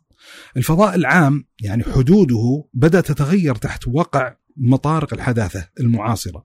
كان حدود الفضاء العام هو ما خارج أسوار بيت الإنسان، هذا الفضاء العام. وداخل أسوار البيت هذا الفضاء الخاص. الآن في انتقال وترحل لهذا الخط الفاصل إلى داخل البيت بحيث صاروا يتحدثون عن الفضاء الشخصي انه وصار يرحل ما يعبر عنه في سياقات ماضيه الفضاء الخاص اللي هو محيط الإنسان الأسري إلى الفضاء العام. وصار في نوع من أنواع ال- الانزعاج وعدم الرغبة لتدخل الأسرة فيما يتعلق بشأن الإنسان، يعني هو نوع من أنواع الانكفاء على النفس بشكل أكبر. بحيث يعني إن في إشكاليات قاعدة تتخلق فيما يتعلق بصلاتنا وعلاقاتنا في الفضاء العام، يعني أنا أظن لو رجع الإنسان أنا على الأقل أرجع بالذاكرة لطفولتي كان كان طبيعتي وسمت الحي والجيران مختلف جذريا عن طبيعة الجيران وطبيعة الأحياء المعاصرة القائمة اليوم، يعني من الطبيعي جدا الإنسان يعيش في عمارة معينة تسكن فيها عدة عوائل ولا يعرف أحدهم احدا ابدا. على سبيل المثال، هذه ظاهرة طبيعية موجودة في حياتنا، يعني حتى يعني أحد التعبيرات اللي وجدتها لاحدهم معبرة عن الإشكالية إلى حد ما أن بدأنا نتحول من فكرة المجتمعات إلى التجمعات، انها هي مجرد نوع من أنواع التجمع الإنساني البشري في جغرافيا معينة في أرض معينة في حي معين من غير أن تتخلق مجتمع حقيقي داخل هذا الإطار. ذكرت الماغوط إيه. يقول تحولنا إلى مثل صناديق البريد. متجاورون لكن لا يعرف أحدنا ما في داخل الآخر. والله ما أدري إذا لها دخل بس تفضل. أيوه ماشي هو جميل. بس أنا أتكلم لاحظ هذا إشكالية على مستوى الفضاء العام. الحين المشكلة إذا دخل الإنسان داخل بنية يعني يعني داخل الفضاء الخاص يعني محيط الإنسان الأسري فعندنا مشكلة حقيقية في تفكيك الروابط الاجتماعية عبر عنها بهشاشة الروابط الاجتماعية آه، في تأثيرات سلبية جدا على طبيعة العلاقات والمجتمع الضيق الذي يعيش فيه الإنسان، يعني في تراجع رهيب في دور الأسرة في حياة الإنسان. فيما يتعلق بالجوانب الاجتماعية وما يتعلق بالجوانب العاطفية المتعلقة بهذا الإنسان، يعني مثلا الآن آه، قضية التنشئة الاجتماعية هي الأدوار الأساسية اللي وجدت في المسار التاريخي فيما يتعلق بدور الأسرة، هذا قاعد يسحب لصالح مثلا مؤسسات التنشئة الاجتماعية الأخرى، المدارس، الجامعات على سبيل المثال وغيرها. لما يتحدث الإنسان عن باب الرعاية الاجتماعية، أن الأسرة هي اللي كانت تقدم المودة، تقدم الرحمة، تقبل التكافل، يعني يجد فيها الإنسان منطقه الأمان بالنسبة إليه، فعندنا يعني بالذات في المحيط الغربي، ودائما لما نتحدث عن المحيط الغربي إحنا نتحدث عنه باعتباره اشكالا آه، قابلا أن يتمدد في مشهدنا. وأن جزء من خيبات هذا الزمان إن نحن مستوردين لكثير من الإشكاليات الموجوده في الفضاء الغربي وأن كثير من تلك الإشكاليات هي مصطنعة تحت وحي القيم الحداثية المعممة على العالم، فعندهم مثلا فكرة الرعاية، دور رعاية المسنين. على سبيل المثال، فواضح أنها قاعدة تنتزع شيئا من الأسرة لصالح مؤسسة خارج الأسرة. على سبيل المثال. قضية مثلا الرعاية النفسية، هذا أحد الأدوار الأساسية هكذا، فعندك نفس الشيء في خبراء وفي مختصين وفي جهات معينة تحقق الإنسان ما يحتاجه من قضايا الرعاية الصحية. على خلاف مثلا الدور اللي كانت تقوم به الأسرة في هذا الإطار. وطبعا لا يحتاج الإنسان أن يكثر الحديث عما يتعلق ب بالبقية الباقية يعني مما يتعلق بالأسرة يعني مثلا يعني مثلا في شركات ومؤسسات تغطي كذلك الاحتياجات الموجودة للإنسان داخل المحيط الأسري والذي يبذل يبلغ به حد الابتذال ما يتعلق بالوجبات السريعة. يعني حتى حتى قضية أن الإنسان يجد سكنا على سفرة واحدة ليأكل مع أمه وأبيه وأسرته يمكن في ظل تمدد السوق اليوم انها تنتزع مثل هذه القضايا ويرحل بحيث أن كل إنسان يعني يستطيع أنه يعيش صحيح في بيت واحد. لكن بالتعبير اللي استخدمته اللي هو فكره أن هنالك صناديق مصفى بجنب بعضها لا يلتقي الواحد يعني بأسرته داخل البيت الواحد، ولذا وجدت يعني عبارة لاحدهم لما يتكلم أن نهرع إلى بيوتنا فنغلق الأبواب ثم ندخل إلى غرفنا فنغلق الأبواب وانه ينقلب البيت أو المؤسسة إلى مؤسسة ترفيهية يستطيع الإنسان أن يتلقى فيها الرفاهية جنبا إلى جنب يعني ما في تفاعل أسري. وأظن يعني يعني في تعبير يعني يجد الإنسان بعض الأحيان لما يحصل نوع من أنواع العتب من الوالد والوالدة أنا أذكر هذا قديم. يعني لما يبدأ الإنسان يتخلق عنده المشاعر الأولية في الاستقلال والذهاب للجامعة ويكون له صحبة معينة ويأتي في آخر الليل فيعتب عليه الوالد يقول يعني جاي في البيت فندق تعبير بهذا. فأظن فكرة فندقة البيوت واضح عندي ان إن في مأزق اجتماعي حقيقي تعاني منه الأسر وإن مشاعر السكينة، مشاعر المودة، مشاعر المحبة لأن لأن الأساس أو القاعدة اللي تأسس عليه فكرة الأسرة هي قضية الحب، يعني اجتماع هذا الرجل مع هذه المرأة لتكوين أسرة ترى مثل ما أخبر الله عز وجل مودة ورحمة، وأن هذه المشاعر المودة تتعاظم مع طول الطريق، الأصل فيها تتعاظم مع طول الطريق، هذه ففي مشكلة. يعني اظنها حقيقية جديرة بأن تدرس. وطبعا إذا نظر الإنسان زي ما ذكرنا في الثقافة الغربية ففي مشاكل ومصايب في الموضوع. يعني مثلا يعني الأسرة تقدم جملة من الخدمات الإنسانية والبشرية. فعندك على مستوى مثلا آه، على على على مستوى العاطفة هي تعطي الإنسان تغذية عاطفية ببث مشاعر المحبة. كذلك فيما يتعلق بجانب المتعة خصوصا بين الأب والأم على سبيل المثال ما يتعلق بقضية الجنس. عندك قضية التطلب الذرية فعندنا مثلا قضية الإنجاب وعندك قضية الرعاية. هذه كلها مفاهيم أولية يعني يستطيع الإنسان يقول أنه لا يتصور قيام أسرة إلا بهذه المعاني. هذه المعاني إذا نظر الإنسان في طبيعة الثقافة الغربية المعاصرة يجد أن كل معنى من هذه المعاني يستطيع الإنسان أن يحصلها خارج هذا المؤسسة الخاصة المعبر عنها بالأسرة. يعني هل تتطلب مثلا شريك عمر في هذه الليلة مدري إيش تحصل إعلانات بطريقة معينة، هل تريد يعني طفلا ذو مواصفات معينة وكذا وفي ارجام مح... هذا؟ عندك دور مسنين، فالشاهد إنه يستطيع الإنسان أن يحقق الخدمات اللي كانت مكفولة داخل إطار الأسرة خارج إطار الأسرة، وأنا أظن إن في حقيقة الأمر وفي بنيته وواقعيته لا لا تستطيع أن تستحصل هذه الخيارات المطلوبة خارج هذه المؤسسة المعينة المخصوصة فازعم أن هنالك مشكلة. عندنا إشكالية يعني إذا تحدثنا يعني كل الحديث السابق حتى بس ألخص بطريقة ما أن أحد القيم الأساسية في فكرة الحداثة الغربية المعاصرة فكرة الفردية أو الفردانية. وإن هذه بدأت تخلق عندنا إشكاليات عميقة جدا في تفكيك الروابط الاجتماعية على مستوى الفضاء العام، على مستوى المجتمع وقلب المجتمع من مجتمع إلى مجرد تجمع، وإن بدأ يخترق أسوارنا الداخلية ما يتعلق بالأسر والمحيط بحيث انه صار الإنسان فعلا مستقلا منعزلا لوحده. في معطى آخر يعني يحتاج كذلك الإنسان يلاحظه هو المخاطر المهددة المتعلقة بقضية الحب. بقضية الحب اللي هو فكرة الثقافة الاستهلاكية، إحنا نعيش يعني في ظل ثقافة استهلاكية رهيبة وأحد المشكلات الحقيقية اللي يجدها الإنسان في القيم الحداثية قدرتها الفائقة على تسريع الأشياء، على تشييء المعاني. بحيث لما يتحدث عن ثقافة الاستهلاكية أول ما يقفز للذهن ما يتعلق بالإطار المادي، ما يتعلق بالأشياء، لكن مشكلتنا الآن إن حتى ما يتعلق بالوجدانيات، ما يتعلق بالمشاعر قاعد تشيع. وجالس يدخل ما يتعلق بقضية الحب وما وغيرها من القضايا الشعورية داخل السوق كما يقال. وإن بدأت بعض الأحكام الاستهلاكية ترى تعصب بما يتعلق بهذا الفضاء، يعني خذ على سبيل المثال تحت مطارق وحي ما يتعلق بالثقافة الاستهلاكية صار الإنسان مبرمجا إلى حد ما في ثقافة التغيير وتطلع بقطع الغيار بدل الإصلاح.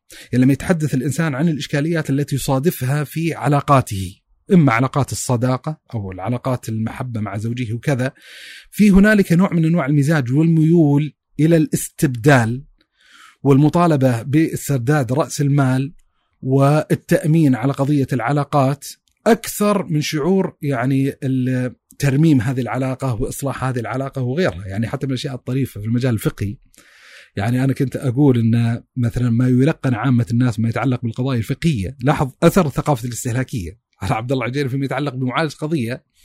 يعني ليست خاطئة تماما يعني بس أبغى أنبه لهذا من وحيه. فعندنا في أوائل الكتابه الفقهية كتاب يسمونه العلماء كتاب الطهارة. أحد التبويبات في كتاب الطهارة باب يسمونه العلماء باب الآنية. لما تدخل داخل باب الآنية يتكلمون العلماء الحكم الإناء المضبب. إيش معنى إناء مضبب إنه عندك إناء معين هذا القدح حصل فيه انكسار معين. فيتكلمون العلماء إيش حكم الإنسان يرقع هذا الكسر بالتضبيب إنه يجيب مثلا فضة معينة تذاب بحيث إنه يضبب هذا الإناء. فيقولون العلماء مثلا إنه يجوز استعمال ضبة يسيرة من فضة لحاجه، يذكرون اشتراطات معينة، فكان يعني أنا أذكر هذا المعنى في التلقين الفقهي لعامة الناس إن الناس في هذا الزمان غير محتاجين لإدراك تفصيل ما يتعلق بأحكام تضبيب الإناء مثلا لصالح قضايا أكثر لصوقا بحياتهم العملية اليومية مثل قضية الغسيل الجاف، هل الغسيل الجاف يطهر النجاسات ولا ما يطهر النجاسات وكذا لأن إذا انكسر الإنسان قدح وش يسوي فيه؟ ياخذ قطة في الزبالة ويشتري واحد جديد. موطن الشاهد إن حتى في علاقاتنا الاجتماعية للأسف الشديد ترى واقعين تحت ذات الفكرة وذات الضغط إن عندنا رغبة وميول لاقتناء الأشياء ذات الاستعمال الفوري على سبيل المثال، يعني في حين مثلا دخول الإنسان في علاقة اجتماعية معينة قد يحتاج أنه يدخل في تجربة طويلة، قد تفضي به هذه التجربة الطويلة إلى فضاءات من المحبة وغير ذلك من الأشياء المكتسبات الجيدة، وقد تفضي به هذه التجربة إلى منطقة أخرى، إن قد لا تنجح هذه القضية. لكن إحنا مبرمجين يعني تحت ضغط التسارع الموجود في هذا الزمان الإنسان يتطلب لا ان إن عندي رغبة ان ان أن أجد النتائج التي اتطلبها بشكل سريع. وأتطلب انه يكون يعني ليس سريعا فقط أن أريد أن يكون مؤمنا عليه. ولا أريد أن يكون مؤمن عليه فقط.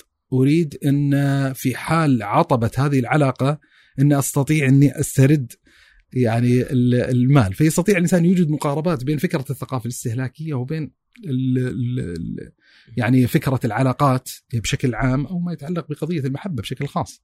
جزء من مفردة الاستهلاكية إيه. أصلا فكرة الاستهلاك وإهلاك الشيء.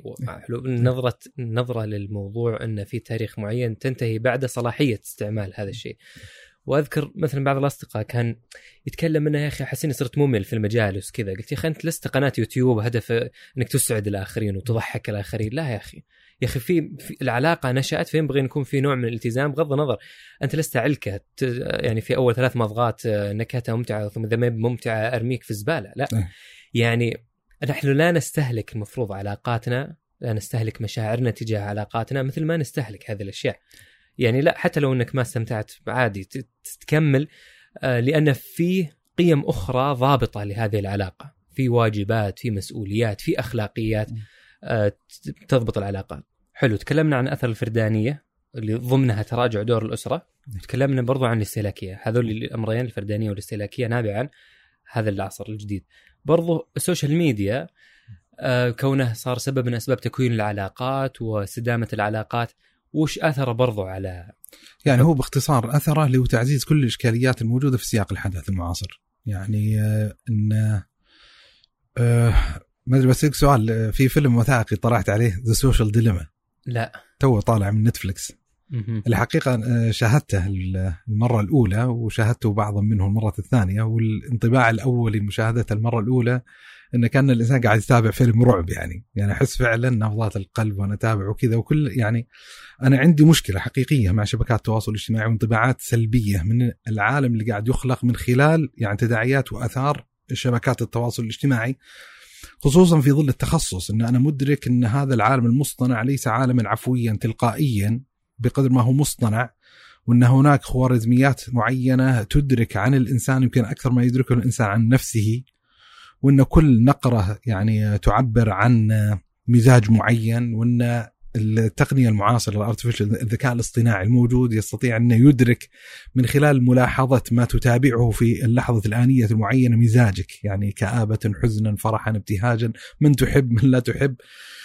وانه قاعد يغذيك يعني بما يعزز النوازع الموجودة عندك.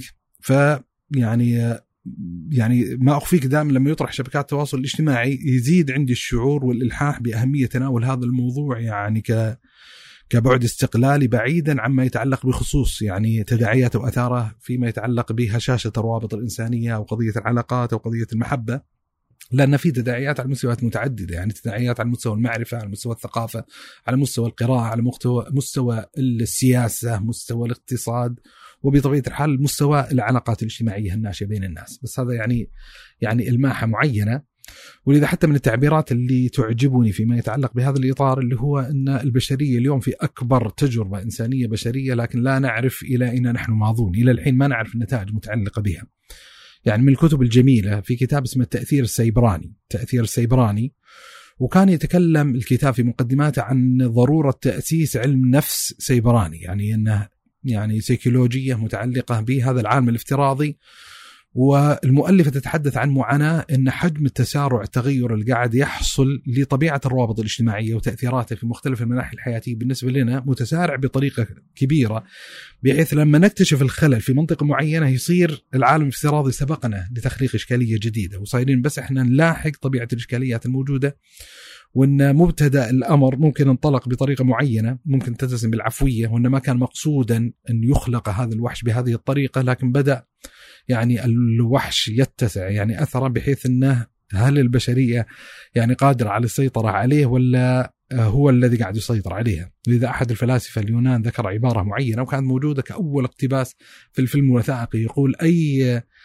أي قضية أو فكرة أو تقنية يعني أي ناس العبارة فاست يعني انها هائلة تدخل في حياة البشرية فإنها تمثل لعنة على البشرية إن لها ضريبة معينة. وفعلا الإنسان لما كل ما تعمق في دراسة ما يتعلق بهذه القضية، يعني أنا أحد التعبيرات اللي استخدمت في أحد المناسبات لما كنت أتحدث عن شبكات التواصل الاجتماعي إن عندنا مأزق في التعامل معها بمعنى أننا نستطيع إعادة عقارب الساعة إلى الوراء وإن خلاص يجب الإنسان يعترف بوجود هذا المكون الحياتي. وقرأت كتاب قبل مدة يعني مدة غير قصيرة كان عنوانه يعني عشرة حجج لإغلاق حساباتك الشخصية. فكنت أتعامل ما أخفيك مع هذا النمط من أنماط التأليف والكتابة أن حالة مغالية ومبالغة وكذا. لكن كل ما توسع الإنسان في إدراك حجم التداعيات الكارثية اللي قاعد يخلقها هذا الفضاء يعني على الأقل في المرحلة الآنية مو بالضرورة الإنسان تخندق في هذا المربع بكليته بس عنده تعاطف إلى حد مع ما هذه الأطروحة وتفهم حقيقة الإشكاليات. وأن مثل ما ذكرت أنا يمكن في مناسبة أن هنالك صنفين من البشر صنف مهاجر رقمي ومواطن رقمي فأنا أعتبر نفسي مهاجر فلما أطالع حجم الإشكاليات اللي قاعد تعصف بالمواطنين الرقميين أدرك فعلا أن هنالك لذائذ في الحياة هنالك أمور ممتعة أمور شيقة هنالك تجارب إنسانية كثيرة جدا ترى محرومين منها أبناء الجيل القادم يعني في كتاب اسمه تغير العقل ويتكلم عن هذه الفكرة لفكره يعني ما الذي قاعد تحدث عالم الإنترنت وشبكات التواصل الاجتماعي لعقولنا. فطرافة الأطروحة إن حجم التأثير ليس مقتصرا فقط على العادات السلوكية أو الأنساق النفسية الإنسانية، لا حتى هنالك أشبه التغير الفسيولوجي أو البيولوجي المتعلق بدماغ الإنسان وتركيب دماغ الإنسان، وهنالك أمور معينة انطبع عليها الإنسان في ظل شبكات التواصل الاجتماعي وخصوص ما يتعلق بالروابط الاجتماعية قاعد تؤثر بطريقة غريبة وعجيبة، يعني أحد القضايا التي فطر عليه الإنسان انه يستطيع أن يدرك مشاعر الطرف المقابل من خلال تعابير وجهه. على سبيل المثال حجم الاستغراق في شبكات التواصل الاجتماعي والانكفاء عن الذات والبعد عن تخليق الروابط ذات المعنى مع الناس قاعدين يقولون في دراسات معينة إن هنالك تنشا أجيال ما عندها ذات القدرة اللي كانت موجودة عند الاجيال السابقة في تفهم إن الطرف المقابل الآن ترى غضبان، الآن ترى زعلان، الآن فرحان، على سبيل هذه المشاعر الأولية من خلال انطباعات الوجه. ولذا تلاحظ مثلا أحد المحاولات لتعزيز ما يتعلق بالبعد الوجداني أو الشعوري في هذا العالم البارد الجاف. فكرة الإيموجي على سبيل المثال ان ترسل رسالة معينة فتحط في نهايتها وردة على أساس تعبر يعني تعبير قلب على سبيل المثال تحط لها وجه باسم وجه باكي على سبيل المثال لمحاولة إضفاء شيء من الشعور. لأنه واضح تماما ان مجرد الألفاظ والكلمات الكلمات ليست كافية في في ابتعاث الشعور. فقصي يعني خلاصة الكلام ان إن إن كل السلبيات الموجودة في ظل الحداثة الغربية ترى معززة بطريقة أو بأخرى داخل هذا العالم الافتراضي. يعني لما أتكلم عن العزلة الفردانية واضح تماما إن شبكات التواصل الاجتماعي قاعد جالسة تزيد حجم الانعزالية والاستقلالية والفردانية. وأحد التداعيات الخطيرة انه قاعد تخلق لكل إنسان فقاعته الخاصة. بالتعبير الغربي يقول هيز اون بابل إن فقاعته الخاصة ان إن عالمها الافتراضي الخاص. ويعزز المعتقدات الذاتية الموجودة عنده ويعني ما يستطيع الإنسان إنه يدخل في مناطق بالنسبة له غير آمنة. ويتشع يعني خصوص موضوع المحبة والعلاقات الصداقات خصوصا إنه يعزز شعور الإنسان بضرورة يعني التخندق في مربع العلاقات المريحة العلاقات المريحة. وأن يتطلب الشبيه الذي يشبهه على سبيل المثال. وجزء من الراحة اللي يجدها الإنسان في شبكات التواصل الاجتماعي سهولة الدخول في العلاقة وسهولة الخروج من العلاقة. يعني المسألة تستطيع أكثر من يسوي follow ضغطة زر وإذا خلاص ما راقت له هذا العلاقة يستطيع يسوي unfollow وإذا لا تطورت الحالة أكثر يقدر يسوي block على سبيل المثال. فيه بعد صاروا يوفرون خيار لو ودك تحذفه بس ما, ما تحذف إيه تعطيه mute mute إيه. فقصدي لاحظت كل قاعد تعزز الحين إشكالية في طبيعة العلاقات الإنسانية البشرية يعني هنالك شعور عند كثير من الناس إن هنالك علاقات ذات معنى موجودة في شبكات التواصل الاجتماعي، لكن إذا قيّم الإنسان طبيعة هذه العلاقات وجدها خلية عن جودة العلاقة، عن حقيقة العلاقة المنشوده المطلوبة. يعني أحد التعبيرات المستعملة في هذا الإطار فكرة علاقات الجيب العلوي. إن هنالك علاقات معينة يعني يستطيع الإنسان أن يتطلبها في لحظة الحاجة، متى احتاج إليها فهي موجودة في الجيب العلوي بسرعة يطلعها ثم يعيدها مرة أخرى. ولذا هذه أحد الفوارق الموضوعية الموجودة بين طبيعة العلاقات الواقعية الحقيقية اللي يعيشها البشر وبين طبيعة العلاقات الافتراضية الموجودة هناك، يعني دخول الإنسان في علاقة واقعية موضوعية حقيقية في العالم الحسي المادي الذي يعيش فيه البشر له ضريبة معينة، له فترة زمنية معينة يحتاج الإنسان أن يستغرقها في هذا الإطار. وهنالك ضريبة إذا لم تنجح تلك العلاقة للخروج منها، هنالك نوع من أنواع الحرج، يعني تخيل مثلا في العالم الحقيقي آه نبي نطبق نفس تقنيات شبكات التواصل الاجتماعي بيسوي لك block بس في العالم الحقيقي. يعني دخلت مجلس معين فجيت تبي تسلم على فلان مديت يدك فمسوي لك الرجال block يعني. زين هذا. واضح حجم الحرج اللي سيعصف به هذا الطرف والطرف المقابل. لكن هذه العملية ترى تمارس بقدر عالي جدا من الاسترخاء هناك لأنه يشعر الإنسان لما يدخل في هذه العلاقة انه لا يوجد هنالك ضريبة باهظة يدفعها في الدخول فيها. ولا هنالك أدنى ضريبة أصلا للخروج منها. بل يستطيع الإنسان مثل ما ذكرت أنه حتى يتخفف من حالة الحرج لما يسوي انفولو يقدر يسوي له بس ميوت وخلاص يعني آه، يرضي نفسه باستبقاء يعني هذه العلاقه المتوهمة آه، يعني لصالح إلغائه بالكلية. فالشاهد أن كل الإشكاليات الموجودة في القيم الحداثية يعني مثلا لما نتكلم عن قيمة الاستهلاك مثلا أحد الإشكاليات لما نتكلم عن أن أحد المعطيات المتعلقة بها التزهيد يعني فيما يد الإنسان لصالح شيء يقبل إليه.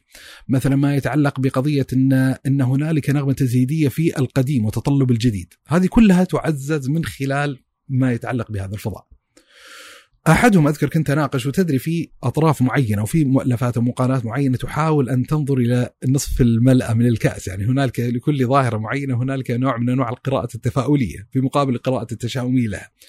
فبعضهم يتحدث ان إن هنالك مكتسبات تخلقت في ظل شبكات التواصل الاجتماعي. يعني على سبيل المثال ان إن كمية العلاقات اللي يستطيع الإنسان ان أن يطورها في حياته أرفع بكثير جدا من حياة الإنسان الواقعية العملية. يعني في النهاية لو تأمل الإنسان بعيدا عن شبكات التواصل الاجتماعي عدد الأصدقاء الموجودين عنده سيظل عدد محدودا بالمقارنة ب. يعني بحسب شهرتك في موقعك من الإعراب آلاف مئات الآلاف ملايين من البشر اللي تكون لك علاقات بهم. فيقول لك إنه يعني ترى في مكتسبات موجودة يعني في طبيعة من طبيعة العلاقات طبيعة من طبيعة الصداقات ما كانت تتخلق لولا وجود هذا الفضاء لولا وجود هذه المساحة. لكن أظن إن هي معززة للإشكال يعني إحنا لا نتحدث في طبيعة العلاقات الإنسانية البشرية في الكم المتعلق بها فقط إحنا نتكلم عن الكيفية نتكلم عن جودة هذه العلاقة. ولذا أصلا في الكتابه التراثية مشهور فكرا إن هنالك جملة من الخرافات والأساطير ومنها الخل الوفي، فكرة الصديق الوفي يعني هي فكرة يعني كثير من الكتابات تتعاطى معها باعتباره فكرة ميثولوجية، فكرة أسطورية معينة إنها له تمثل في واقع الأحياء والبشر. وهي أبعد يعني في المخيال المتعلق بالفضاء الافتراضي. إن وهذه أحد الإشكاليات في الطبيعه النفسيه للإنسان، إذا خذله الكيفية ما استطاع ما استطاع الإنسان يغذي نزعات الجودة التي يتطلبها من خلال علاقة معينة فيستطيع أن يغطي هذه الإشكالية النفسية الموجودة عنده من خلال تمديد رواق ومساحة الكمية المتعلقة بحيث أنه يعني يعزز ما يتعلق بهذه المسألة. يعني فخلاصة الكلام أن كل ما يستطيع الإنسان يتصوره من اشكاليات والسلبيات المتعلقة بالقيم الحداثية من البعد الثقافي فهي معززة بأحد التقنيات المولدة من رحم الحياة الحداثية المعاصرة اللي هو موضوع شبكات التواصل الاجتماعي.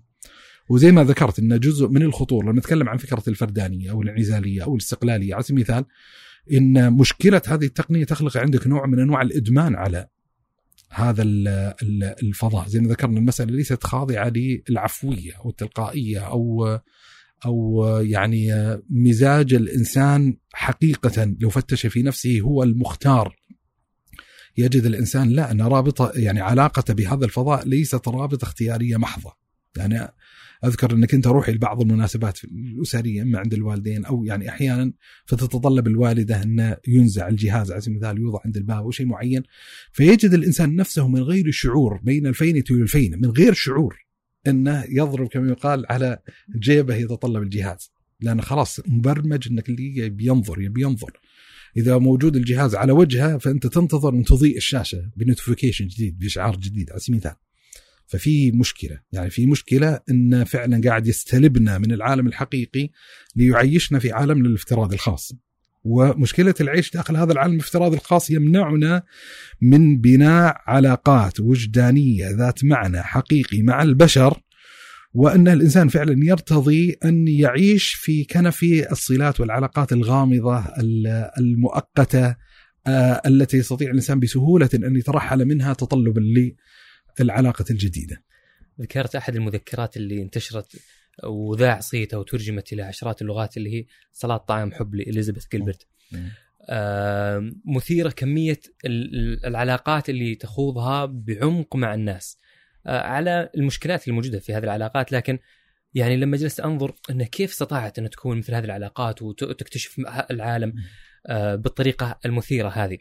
آه أحد خلينا نقول الملاحظات اللي طلعت لي إنه هي جاءت في فترة ما بعد آه تقدم وسائل النقل والطيران وكذا وما بعد وصلت السوشيال ميديا وشبكات التواصل إلى هذا المستوى من التقدم فكان سهل إنها تكون علاقات إنسانية مع الناس الآخرين بمثل هذه مثل هذه خلينا نقول الشكل اللي يعني ينزل إلى أعماق متقدمة. وأذكر الحين آه في علم الاقتصاد السلوكي أتوقع لما كانوا يتكلمون عن إن ترى كل ما كثرت الخيارات كل ما كنت أزهد في الخيار اللي معك. بينما لو أنت تشعر بحتمية الخيار اللي معك فأنت ستكون أصبر له ويعني أود له وأكثر رضا به. وهذه مشكلة برضه السوشيال ميديا انه يعني يجي يقترح لك ألف حساب ممكن يكون أنسب لك من صديقك.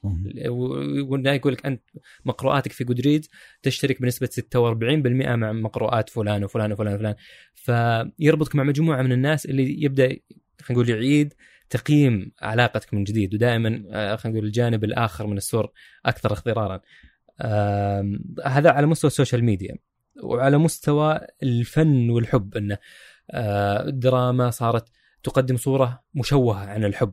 وهذه الصورة بدأت تنعكس على يعني واقع الناس وتفكيرهم. وش وش اللي أثر الدراما في تفكير يعني الناس؟ أنا أشوف ان في مفارقة خلقها عالم الفن بأذرعته المختلفة. الأفلام المسلسلات الروايات ايا كان. حتى الكتابه الأدبية القديمة والحديثة وغير ذلك. لكن متضخمة الظاهرة بشكل أو بآخر. وتدري يعني ميزة العمل الروائي أو القصصي أو الكتابة الأدبية أو حتى الكتابة النثرية أو الشعرية يعني هنالك نوع من أنواع الخيال يستطيع الإنسان يعمله. لكن مشكلة الفيلم والمسلسل لا إن هذا انه يحرمك حتى من متعة التخيل. يعني انه خلاص يصير كل شيء مشخص أمامك تعاينه وتشاهده شخصيا. المفارقة الموجودة فيها فيما يتعلق بقضية الحب وقضية ال- العلاقات الإنسانية البشرية مفارقة إن هي عززت نزعتين تتبديان للوهلة الأولى نوع من أنواع التناقض. يعني في مسارين اخترقت عالم الحب وأفسدت فيما يتعلق بقضية الحب المسار الأول أن خلقت يعني آه، صورة رومانسية حالمة مثالية لعالم الحب أن يعني آه، لما تتابع مثلا بالذات ال- ال- المسلسلات والافلام المعنية بقضية الرومانسية يتخلق لك يعني طبيعة وجدانية آه، مثالية آه، متسامية على عالم البشر في طبيعة العلاقة الموجودة بين الجنسين بين الرجل والمرأة. والمشكلة تحصل انه يرفع من سقف التوقعات الموجودة عند الإنسان اللي يريد إنه يدخل في هذه التجربة، يعني عندنا فتى وعندنا فتاه يدخلون داخل مؤسسة زواج مشبعين مترعين بقيم الحب الموجودة على الشاشة فيتخيل تتخيل الفتاة أن هذا هو الفارس الأحلام الذي أتى عليه صار يعني التصوير الحالم هذا وفي المقابل هو كذلك يعني يتطلب شيء من الطرف المقابل. فإذا دخلوا في الحياة الواقعية العملية وعصفت بهم الحياة وعاركوها وعالجوها يكتشفون لا إن ترى المسألة مبنية على على مودة ورحمة وتغافر وغض للطرف وتطلب الحق والواجب في مقام معين والإغضاء في م... يعني الشاهد إن المسألة ليست بالطريقة الرومانسية الحالمة المتصورة فهذه المفارقة الأولى. وطبعا يعني أحد الأشياء اللي ما بيقول العلاجية بس اللي يحاول يعني أن ترجع الإنسان بأحد تعبيرات الظاهرة الغربية أن ترجع الإنسان إلى الأرض حتى يعيش في عالم الواقعية والناس إن أفضل البيوتات اللي وجدت في تاريخ الإنسان الإنسانية والبشرية على الاطلاق بيت النبي صلى الله عليه وآله وسلم وبيت النبي صلى الله عليه وسلم. مع لاحظ إن تتكلم عن أفضل الناس صلى الله عليه وآله وسلم وأحسن أحسنهم خلقا صلى الله عليه وآله وسلم وزوجاته من أكرم نساء العالمين. ومع ذلك يعني ما وجد في بيت النبي صلى الله عليه وسلم مثل هذا الخيال اللي يتحدث عنه في عالم المسلسلات والأفلام. على سبيل المثال لا يعني ذلك إن لم يكن بيت النبي صلى الله عليه وسلم مليئا بالحب مليئا بالمودة مليئا بالرحمة بل هي الأصل في حياتهم واللي يدخل داخل هذه التجارب. يعني كثير من الناس بحمد الله عز وجل يدخل داخل مؤسسة الزواج ويكون المعنى الأصيل الحاضر في حياته هو هذا المعنى.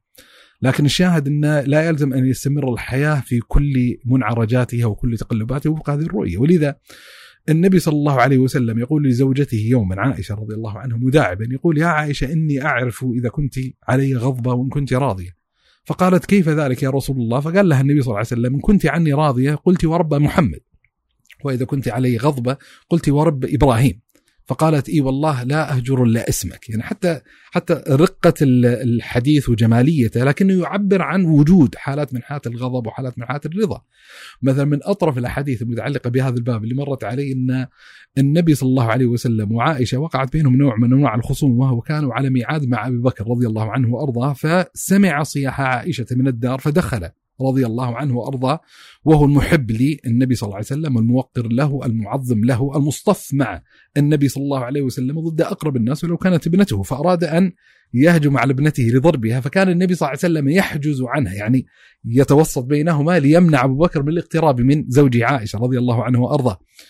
فاستطاع طبعا النبي صلى الله عليه وسلم أن يمنعه من ذلك وانصرف أبو بكر رضي الله عنه وأرضاه. الطريف أن النبي صلى الله عليه وسلم التفت لعائشة فقال أما رأيت كيف أنني يعني قد حجزت الرجل عنك؟ يعني يريد أن يعني يستلطفها بذلك. ثم بعد ذلك مر أبو بكر عن النبي صلى الله عليه وسلم فوجدها يعني وجد عائشة والنبي صلى الله عليه وسلم يتضاحكان فقال أشركوني في سلمكما كما أشركتموني في حربكما. في الشاهد يعني التوغل في طبيعة البيت النبوي ومعرفة طبيعة التحزبات القائمة بحزب عائشة وحزب أم سلمة وطبيعة الغيرة اللي تقع بين النساء والعتب الذي يقع أحيانا حتى من النبي صلى الله عليه وسلم يعني من الأحاديث الجميلة اللي وقعت النبي صلى الله عليه وسلم انه كان في ليلة عائشة في يوم من الأيام ثم انسل النبي صلى الله عليه وسلم من فراشه وفتح الباب رويدا رويدا ثم أغلقه رويدا رويدا ثم مضى النبي صلى الله عليه وسلم. عائشة رضي الله عنها تاب شعور الغيرة وخشية أن زوجها قد ذهب في يومها إلى أو ليلتها إلى غيره من ازواجه فلبست يعني آه، حجابها وتبعت النبي صلى الله عليه وسلم. ثم إن النبي صلى الله عليه وسلم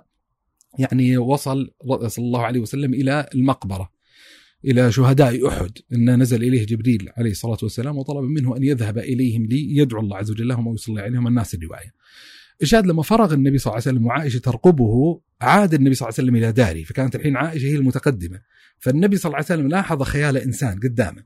فبدأ النبي صلى الله عليه وسلم يتعجل المشي فتتعجل عائشة. ثم أسرع النبي صلى الله عليه وسلم أكثر فأسرعت عائشة. ما كانت عندها رغبة أن يكتشف النبي صلى الله عليه وسلم شانه ثم فتحت عائشة الدار ودخلت ودخلت تحت الفراش. وكانت طبعا بحكم المسير والركض اللي حصل إنه محفزة بالنفس. فلما دخل عليه النبي صلى الله عليه وسلم لاحظ تحفز النفس هذا فقال ما لك يا عائشة؟ وناس اللفظة يعني العربية المعبرة عن حال تحفز النفس اللي استخدمها النبي صلى الله عليه وسلم. فقالت يعني كأنها قالت لا شيء يا رسول الله وكذا فقال لها النبي صلى الله عليه وسلم يعني لا تخبرني أو ليخبرني اللطيف الخبير. فقالت يعني إنها تعلم أن أي شيء يعني يعلم الله عز وجل يعني يعلمه الله فأخبرته القصة والحكاية أنه حصل مني كذا وكذا رأيتك فعلت كذا فحصل ما فقال فيقول لها النبي أنت الخيال الذي رأيته أمامي. ثم وهنا موطن العتب لهزها النبي صلى الله عليه وسلم في صدرها يقول لهزة تقول عائشة أوجعتني يعني ضربها في صدرها ضربة خفيفة بس يعني تأثرت منها. وقالت أظننت يقول لها النبي صلى الله عليه وسلم أظننت أن يحيف الله عليك ورسوله. فالشاهد أن تقع مثل هذه المواقف هذه وضعية طبيعية وبالتالي يعني آه، أحد الإشكاليات اللي ممكن يتوهمها كثير من الشباب اللي رفع سقف التوقعات المتعلقة بهذا المجال بحيث يحتاج الإنسان أنه يدرك واقعية ما يتعلق بهذه القضية.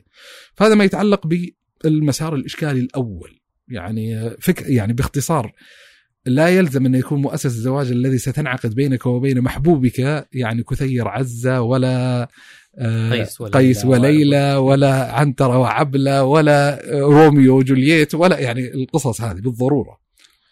آه، في المجال الثاني يعني أو المفارقة الثانية اللي هو قلنا إحنا حالة مثالية ورومانسية وحالمة وفي المقابل في نوع من أنواع الانغماس في وحل المادية والشهوانية إن فيها تعزيز لهذه القضية بشكل بشكل موغل يعني بحيث إنه يربط الإنسان ربطا عضويا بقضية الجنس من جهة معينة بقضية المادة بقضية الجسد.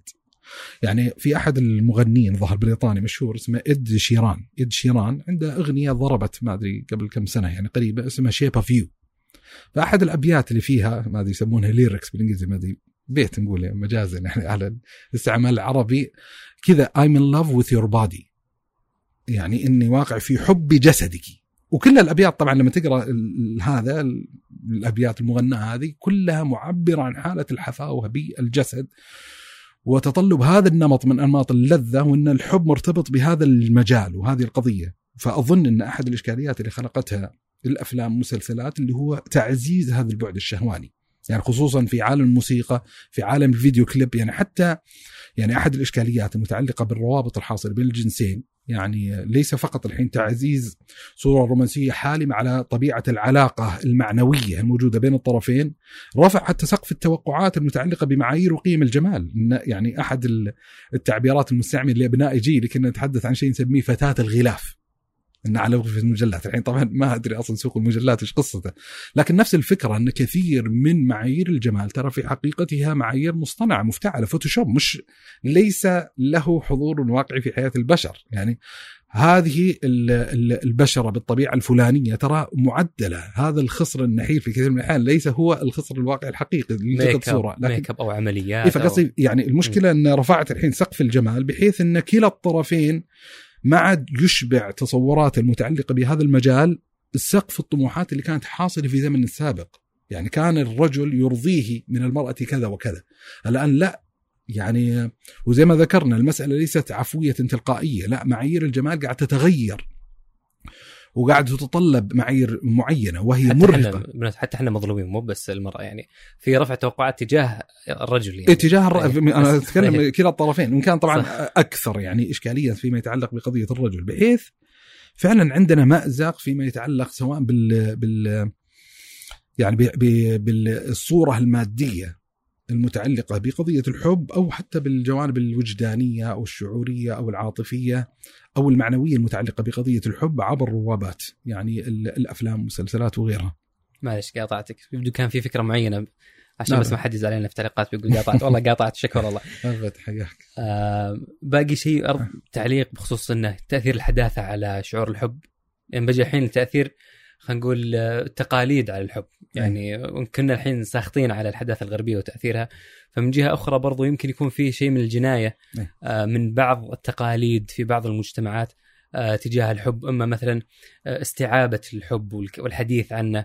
ويعني اظن حتى موجودة في عهد النبي لما الرسول عليه السلام قبل أبنائه.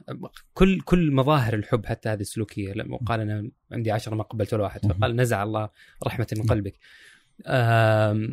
فمثلا على قضية استعابه الحديث عن الحب هل هذا يعني له مبرر أخلاقي في إخفاء شعور الحب واستعابه الحديث عنه في المجالس؟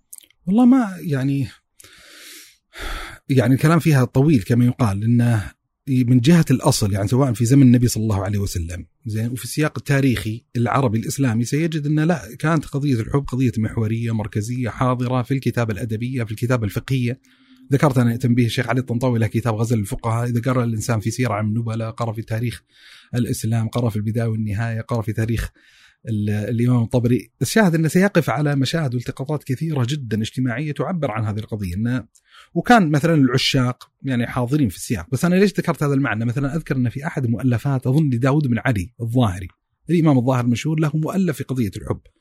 وفي يعني هذا مما يعزز إن هذه القضية كانت محل تداول وحضور، يعني اقرأ أي كتاب في مجال الأدب ستجد قضية الحب هي حتى التوبيات الأساسية الرئيسية الموجودة، ابن المرزبان صاحب كتاب اللي هو تفضيل الكلاب على كثير من ملابس الثياب عنده كتاب في قضية العشق في مصارع العشاق. الإمام ابن حزم عليه رحمة الله عنده طوق الحمامة كتابة لذيذة وماتعة روض المحبين الإمام ابن القيم رحمة الله عليه. ويدخلون ترى لما تقرأ الكتاب تدري أنه قاعدين يدخلون في مناطق لا يتوقع اللي انغمس في عادات وأعراف اجتماعية معينة تستهجن الحديث العنن فيما يتعلق بقضية الحب إن توغلوا ودخلوا في مثل هذه المناطق، يعني مسائل طريفة ما يتعلق بهذا الباب. يعني ستجد أصداء لقضية الحب من أول نظرة كما يقال موجودة وغيرها من الأنماط يعني السلوكية الإنسانية البشرية الحاضرة موجودة.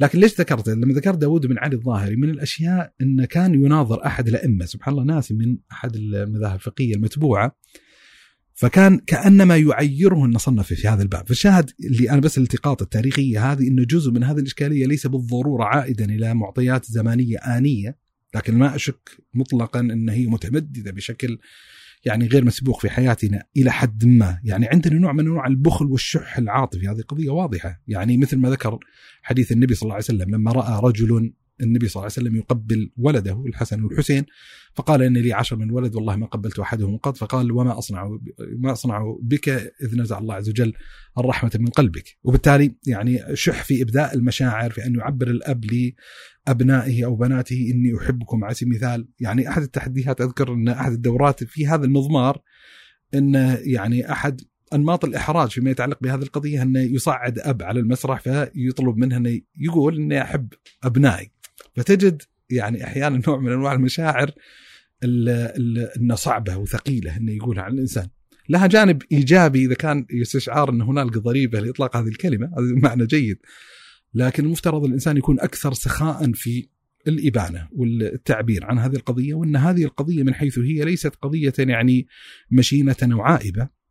والدليل أصلا إحنا ذكرنا من الإرشادات الشرعية النبوية يعني إن ما في غضاضه على الرجل أن يعبر عن حبه لزوجه على سبيل المثال وهذا وقع من النبي صلى الله عليه وسلم هو أكمل الناس وما في غضاضه على الإنسان إذا التقى بإنسان يحبه انه يعبر له عن هذا الشعور. بالعكس هنالك يعني ما أقول ما في غضاضة هنالك تحفيز شرعي أصلا للحديث عن هذه القضايا بهذه النغمة وبهذه اللغة. وأرجو أن هذه الحلقة يعني داخلة في الحديث هذا عادي يعني. بعث للشعور والحديث عن الحب. طبعا ما أدري أنا بس إشكالية في موضوع العادات والأعراف. أي. يعني أحيانا ما أدري. يعني هو ليس يعني هو يعني دردشة ناخذ إيه. ونعطي في الموضوع أحيانا نحاكم تاريخا سابق لمعطيات تغيرت على الأرض. يعني أنا ما أدري عندي شعور وانطباع أن الجيل التالي فيما يتعلق بهذه الملفات والقضايا قد يكون أكثر آه، انفتاحا خلينا نقول. بس أعمل عبارة ابن القيم لما انتقد ابن حزم في في تاليف طوق الحمامة قال لكنه نماع في باب الحب وكذا. فلما نتكلم عن العادات والأعراف والتقاليد هل يعني إحنا قاعدين نحاكم مرحلة تاريخية سابقة إلى حد ما وهنالك تغيرات جذرية في طبيعة العادات والأعراف الحاكم لهذا الباب ولا لا فعلا إلى حد ما لا زالت يعني تلك الأعراف والعادات والتقاليد قاعد تلقي بظلاله الثقيل على المشهد الآني من جهة معينة بذات الوتيرة، أنا ما قاعد ألغي إن الإشكالية حضورها مطلقا بس ما أدري الانطباع الأول الموجود عندي إنه هنالك نوع من أنواع التخفف، يعني خلني أضرب بس مثال، يعني مثلا أحد الانتقادات اللي ممكن توجه إلى المشهد يعني بغض النظر عن تقييمه سلبا وايجابا قضية الحديث بالأسماء الأنثوية إن إن الإنسان مثلا يكافح إن اسم أمي. منى. يعني هذا فلانة. كنت بقول فلانة بس قلت يلا ماشي يعني. هذا عشان من الطريفة. حياك الله أبو منى. يعني ثبتها أبو منى. أي طبعا أنا أحد الأشياء الطريفة على ذكر أبو منى. لما أنا رزقت بأولى البنيات سميتها منى. فكنت فكان الأصدقاء والقريبين هذه الصلات الاجتماعية الأصدقاء والقريبين زين مستنكرين يعني مستغربين يعني كانوا متوقعين عائشة أو حفصة أو خد يعني أسماء صحابيات يعني مطوح من قوسين يعني. فاستغربوا منى فقلت لهم ما تعرفون منى رضي الله عنها؟ يعني هذا؟ فأقول لهم واضح هذه امه يعني ما ما يبغى يعني جهد في التفكير يعني.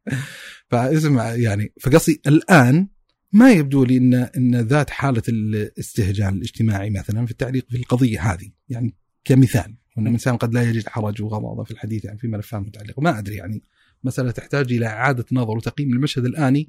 وش طبيعة الإشكاليات الحقيقية في مقاربات المجتمع فيما يتعلق بقضية الحب والمؤسسات المفرعة عليه الزواج على سبيل المثال. يعني خصوصا ما يتعلق ملف العلاقة بالجنسين أو الصلات الاجتماعية صديق مع صديق على سبيل المثال أو الأب مع أبناء أو الأبناء مع الآباء يعني فكل الملفات هذا نظن مشروع طرح الأسئلة حياها. والله أظن لا زال في مشكلة ويمكن إذا كان في جيل جديد خفت عنده المشكلة وبدأ يعبر أيوه. فلا زال تحت الطاولة. في يعني لكن بحضور الجيل السابق يمكن يعني يتصنع أني رجال وما من ذا المشاعر وخرب يطضي هذه متركينها للحريم وهذه بعد جزء من الإشكال يعني تنمية هذه المشاعر. دار بس هذه إشكاليات قديمة. يعني مثلا يعني يعني مثلا من الآثار المروية إنما يبكي على الحب النساء هذه موجود يعني. مثلا لما يتحدث عن قضية مؤسسة الزواج واشتراط الحب كلبنة حقيقية قائمة عليها الزواج. فيقول لك يعني فأين التذمم وأين التراحم؟ يعني على سبيل المثال لو قدر خلوة فما يصح الإنسان أن يشوه العلاقة الموجود مع زوجه لو خلى المشهد عن الحب لأن هنالك يعني آه، عواطف أخرى هنالك اعتبارات اجتماعية الاخرى يستطيع الإنسان إقامة مؤسسة زواج عليها. ليست هي الاعتبارات الفاضلة لا أجمل تجربة يمكن يمر عليها الإنسان في هذه الحياة الدنيا أن تتخلق عنده هذه العلاقة الودودة، هذه العلاقة الجميلة، هذه العلاقة اللي يعني ذكرتها يعني انه محروم كل الحرمان ما بيكرر ذاك البيت يعني لكن محروم فعلا من لم يقع بهذه التجربة.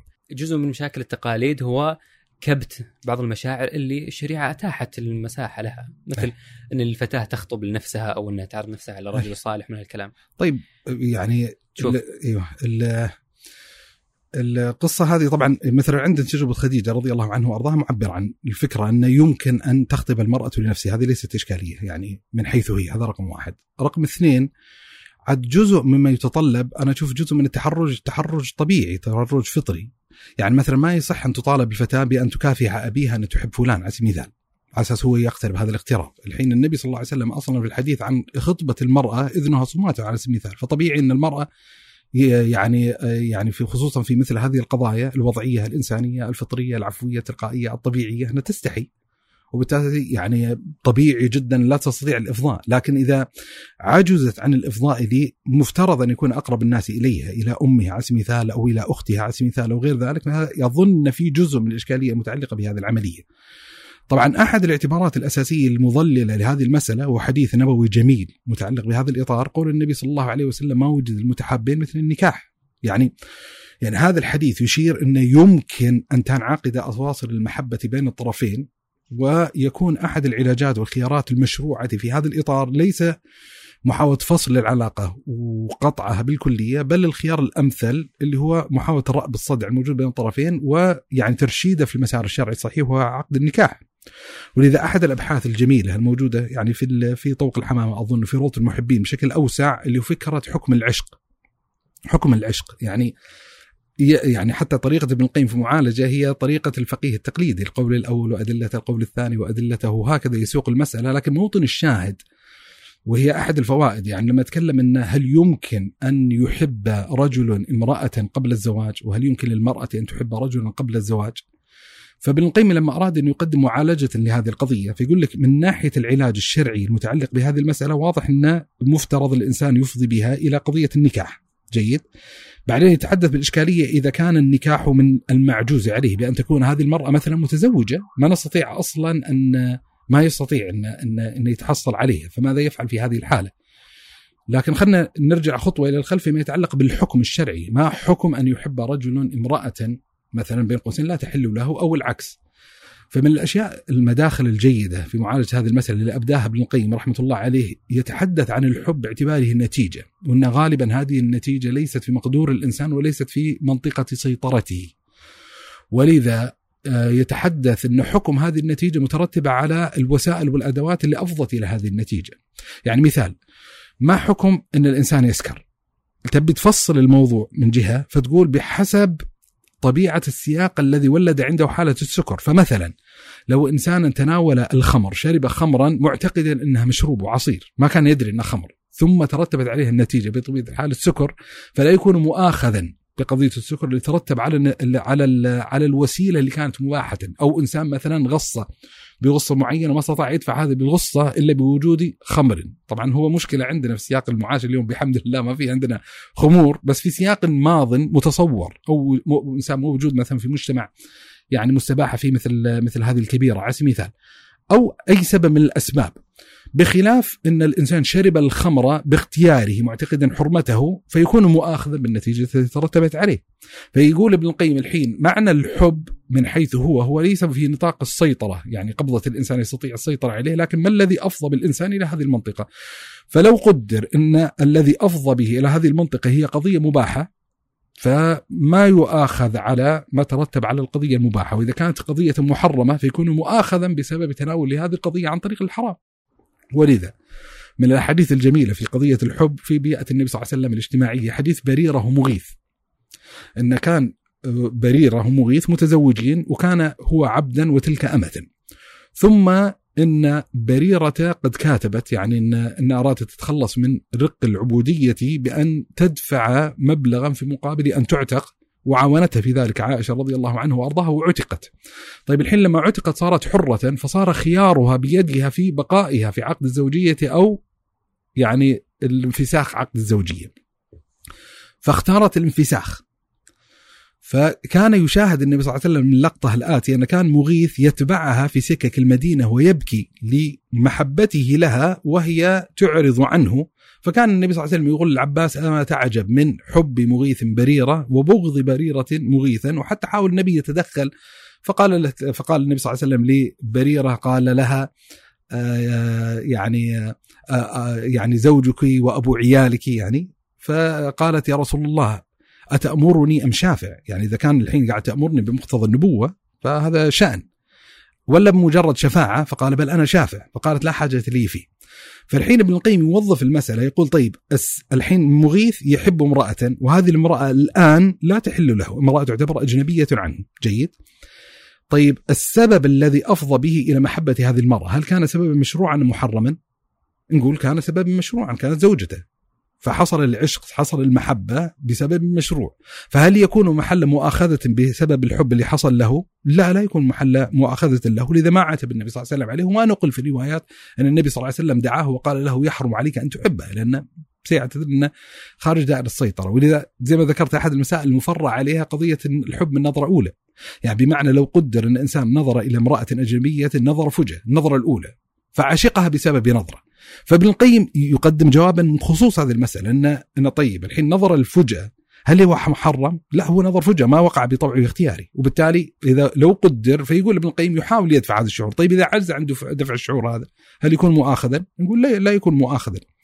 طيب بعد ذلك نعالجه عن طريق الزواج يتزوج. طيب إذا كان عاجزا عن أن يتزوجها لا اعتبار من الاعتبارات فما الذي يفعله؟ ليس له من سبيل وهذا أحد التبويبات الجميلة الموجودة في آخر كتاب الروضة المحبين وفي طوق الحمامة وغيرها اللي هو فكرة عفة المحبين وعفة العشاق وغير ذلك ويروون في ذلك حديثا الحديث من حيث هو لا يظهر لي صحته وابن القيم أظن يحكم عليه بالوضع أو له حكم شديد فيه لكن من جهة معناه صحيح أن من عشق فكتم فعف فمات فهو شهيد أو فله الجنة. وبالتالي سيكون محلا للرحمة يعني بدل ان يكون محلا للعذاب. فالشاهد ان إن يعني هذا التفصيل المتعلق بالمسألة هذه إذا كان السبب اللي حصل من المحبة سببا يعني مشروعا فطريا انسانيا طبيعيا ممكن في محيط اجتماعي معين تربى هذا الولد وتلك البنت في بيئة اجتماعية قريبة بنت عمته وكذا كبروا ثم احتجبت منه لكن ظلت المشاعر انغرست مثلا في لحظة معينة واستمرت إلى بعد ذلك هل يكون مؤاخذا؟ لا لا يكون مؤاخذا وهل هنالك علاج في الشريعة؟ إي ولا ما وجد المتحبه مثل النكاح إن هذا أحد المسارات في ترشيد طبيعة هذه العلاقة وتوجيه التوجيه المطلوب في هذه المسألة. إذا عجز بعد ذلك فليس للانسان خيار إلا التعفف، الله أعلم. جميل. يزين الإسلام أحبه والله. الله هذه من من ثمرات الحلقة. طيب. آه الحمد لله يعني إي لا مش أسلم قول أشهد أن لا إله إلا الله الله يعطيك العافية أبو صالح خليك سلمك حياك ونشوفك بإذن الله في الحلقة القادمة بإذن الله عز وجل جزاك الله خير مع السلامة